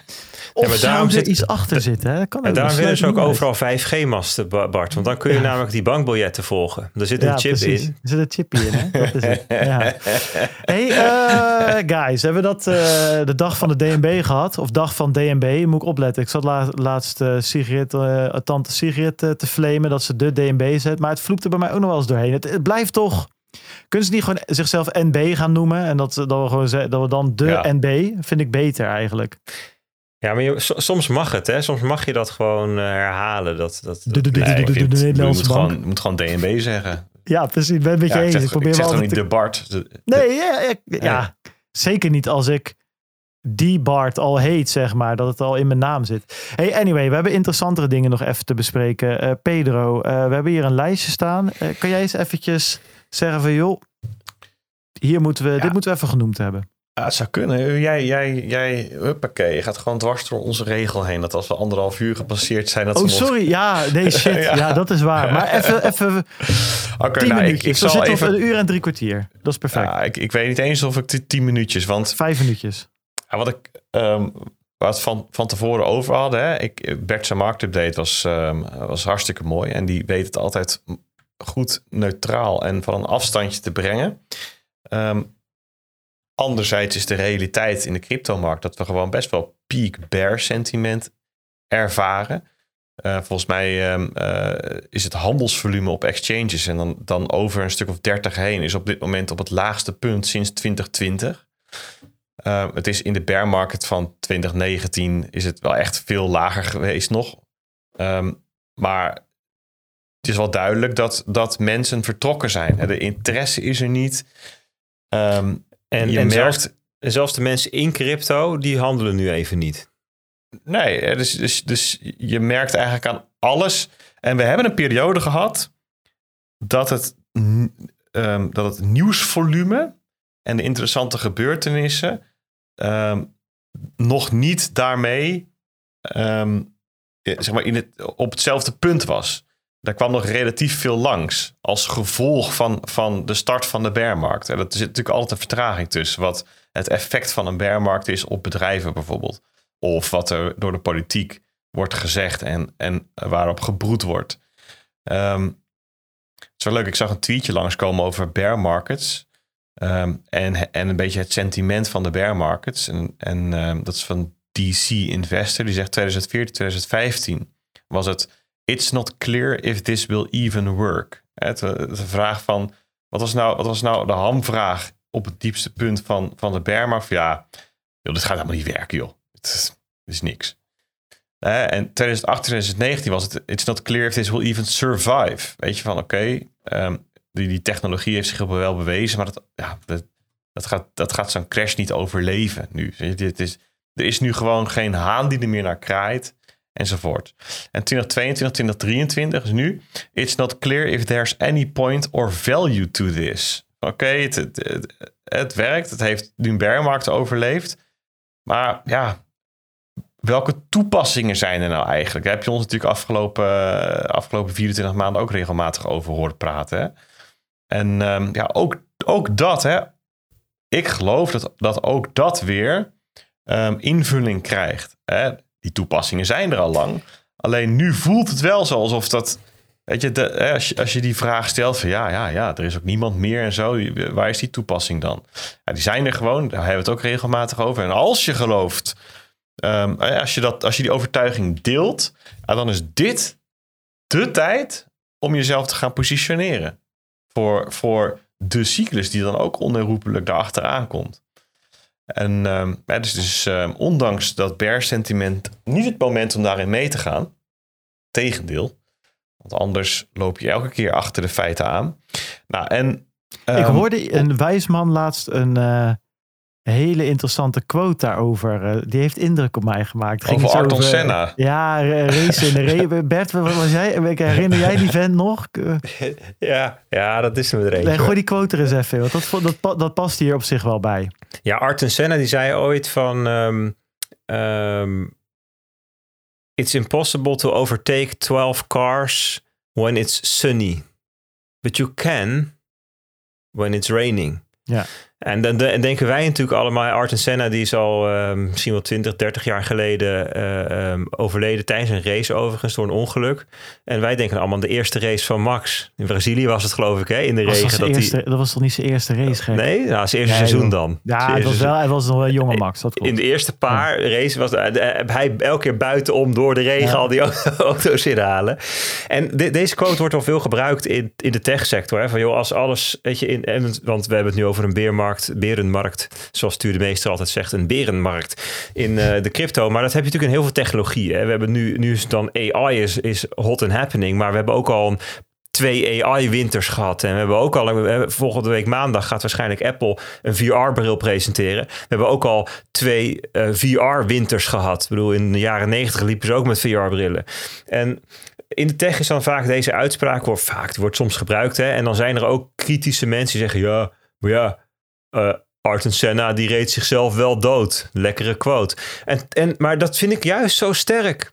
Want als je als techbedrijf, als ondernemer, als bouwer, als um, uh, analist, whatever, als je in een bearmarkt denkt, hmm, nu regent het, dit is de tijd om twaalf anderen in te halen, dat klopt. Daarbij hoort het risico dat, dat, dat je missie mislukt. Dat klopt, dat hoort, dat hoort daar on, onlosmakelijk bij. Um, high risk en high reward zijn met elkaar verbonden. Dus daarom vind ik het echt een mooie uitspraak. Hè. Je, je, je neemt een risico. Mogelijk kom je voor aan te rijden en win je de wedstrijd. Het kan ook zijn dat je crasht. Could be. Maar ja. dat is, dat is, uh, dat is ja. allemaal één pakket. Dus daarom ja, is het. een hele diepgang zit erin, jongens. Ja. Wauw. En er zijn natuurlijk heel veel signalen uh, waaruit je kunt halen dat het echt nog niet over is. Een voorbeeldje is uh, wat er allemaal geïnvesteerd wordt door de industrie, dus door grote professionele partijen in bitcoin mining. Tether maakte bijvoorbeeld deze week bekend dat ze starten met bitcoin mining in Uruguay. Um, en um, feitelijk zegt Tether, we betreden nu ook de energiemarkt. Ze gaan veel investeren in de productie van hernieuwbare energie geloof dat het een doel is om die miners te laten draaien op 98% hernieuwbaar of zo. Um, ja, dat, dat doe je niet zomaar. En dat, dat, dat, die investeringen doe je als je verwacht dat die uh, ook weer gaan renderen. Um, vond ook wel een leuk gesprek uh, daarover in de CryptoCast van afgelopen dinsdag. Daar ja, was, was Bitcoin met, uh, Brabant te gast over soortgelijk onderwerp.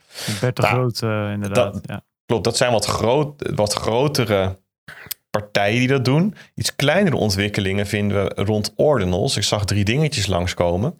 Namelijk dat de eerste USD stablecoin als BRC20 token gedeployed is. Door Stably. Ja, een hele kleine partij. Totale marktwaarde van, van, van het token dat ze hebben uitgegeven is net boven de ton. Het lijkt een beetje op een marketing stunt. Goed, ja, hoe je het precies moet waarderen, dat weten we natuurlijk over een tijdje pas. Ik zag dat OKEX, dat is de, of OKX, dat die, die, volgens mij van origine Aziatische exchange. Ja. Uh, maar die wil graag staking van BRC20 tokens mogelijk maken. En die hebben daarvoor een extensie, een, een uitbreiding op dat BRC20 protocol gepubliceerd. Dat noemen ze BRC30. En dat, dat bevat dan concepten als staking pools en het, het, het, storten en opnemen uit die staking pools. Um, en zelfs het, het steken van je bitcoin. En dat levert dan BRC30 tokens op. Nou ja, ik bedoel, nogmaals, ik weet niet precies hoe, we hoe we dit moeten waarderen, hoe blijft het is. Maar goed, we hadden misschien ook al eerder gedacht dat, dat, um, um, dat de hype rond ordinals eerder zou gaan liggen dan dat misschien wel feitelijk aan de hand is. Um, ik zag ook langskomen dat twee bedrijven, Ordinals Markets en Bitcoin Miladies, ja, bedrijven, projecten. Ik denk niet dat het, al, dat het als bedrijven mogen klassificeren, maar die willen de migratie van NFT's van Ethereum naar Bitcoin makkelijker maken. En die hebben ook een nieuwe specificatie gepubliceerd, BRC721E. Dat is dan een, uh, een, een, zeg maar een gespiegelde specificatie van um, um, van ERC 721E. Ja, dat is de NFT-standaard, hè? Precies. Ja, de, ja, de NFT-standaard. En, en ja, hun idee is van ja, ze, ze zijn net zoals dat veel NFT's het meest waardevol worden geacht als ze op Ether uh, zijn geënt. Dan zeggen zij van ja, het wordt nog waardevoller als je die op bit, bij Bitcoin uh, onderbrengt. Ja. Maar ja, dat kan natuurlijk niet op dezelfde manier als bij Ether, want ja, ja, we hebben niet smart contracts die ook daadwerkelijk gedrag en uh, concepten, zeg maar, uitwerken. Um, dus, dus er zitten ook allerlei beperkingen aan. Dus uh, als, je, als je een NFT hebt die verwijst naar een grote afbeelding, ja, die past waarschijnlijk niet in een Bitcoin-blok. Dus dan moet je er een kleine afbeelding bij doen. En in die afbeeldingdata kun je dan een verwijzing maken naar de NFT die op Ether is opgeslagen. En van daaruit kom je bij het originele bestaan. Ja, het is, het, het is tinkering. Weet je, dit is wel het, um, uh, het experimenteren, het uitvinden, het klooien. Waar um, mensen als Eric, Eric, Erica, Eric Wall en Udi Wertheimer um, gelukkig van worden. en waarvan wij misschien ook wel gezegd hebben, in, uh, waarvan wij ook zeggen, misschien is dat juist wel nodig om uh, Bitcoin op het punt te krijgen waar we graag willen dat die komt. Zeker.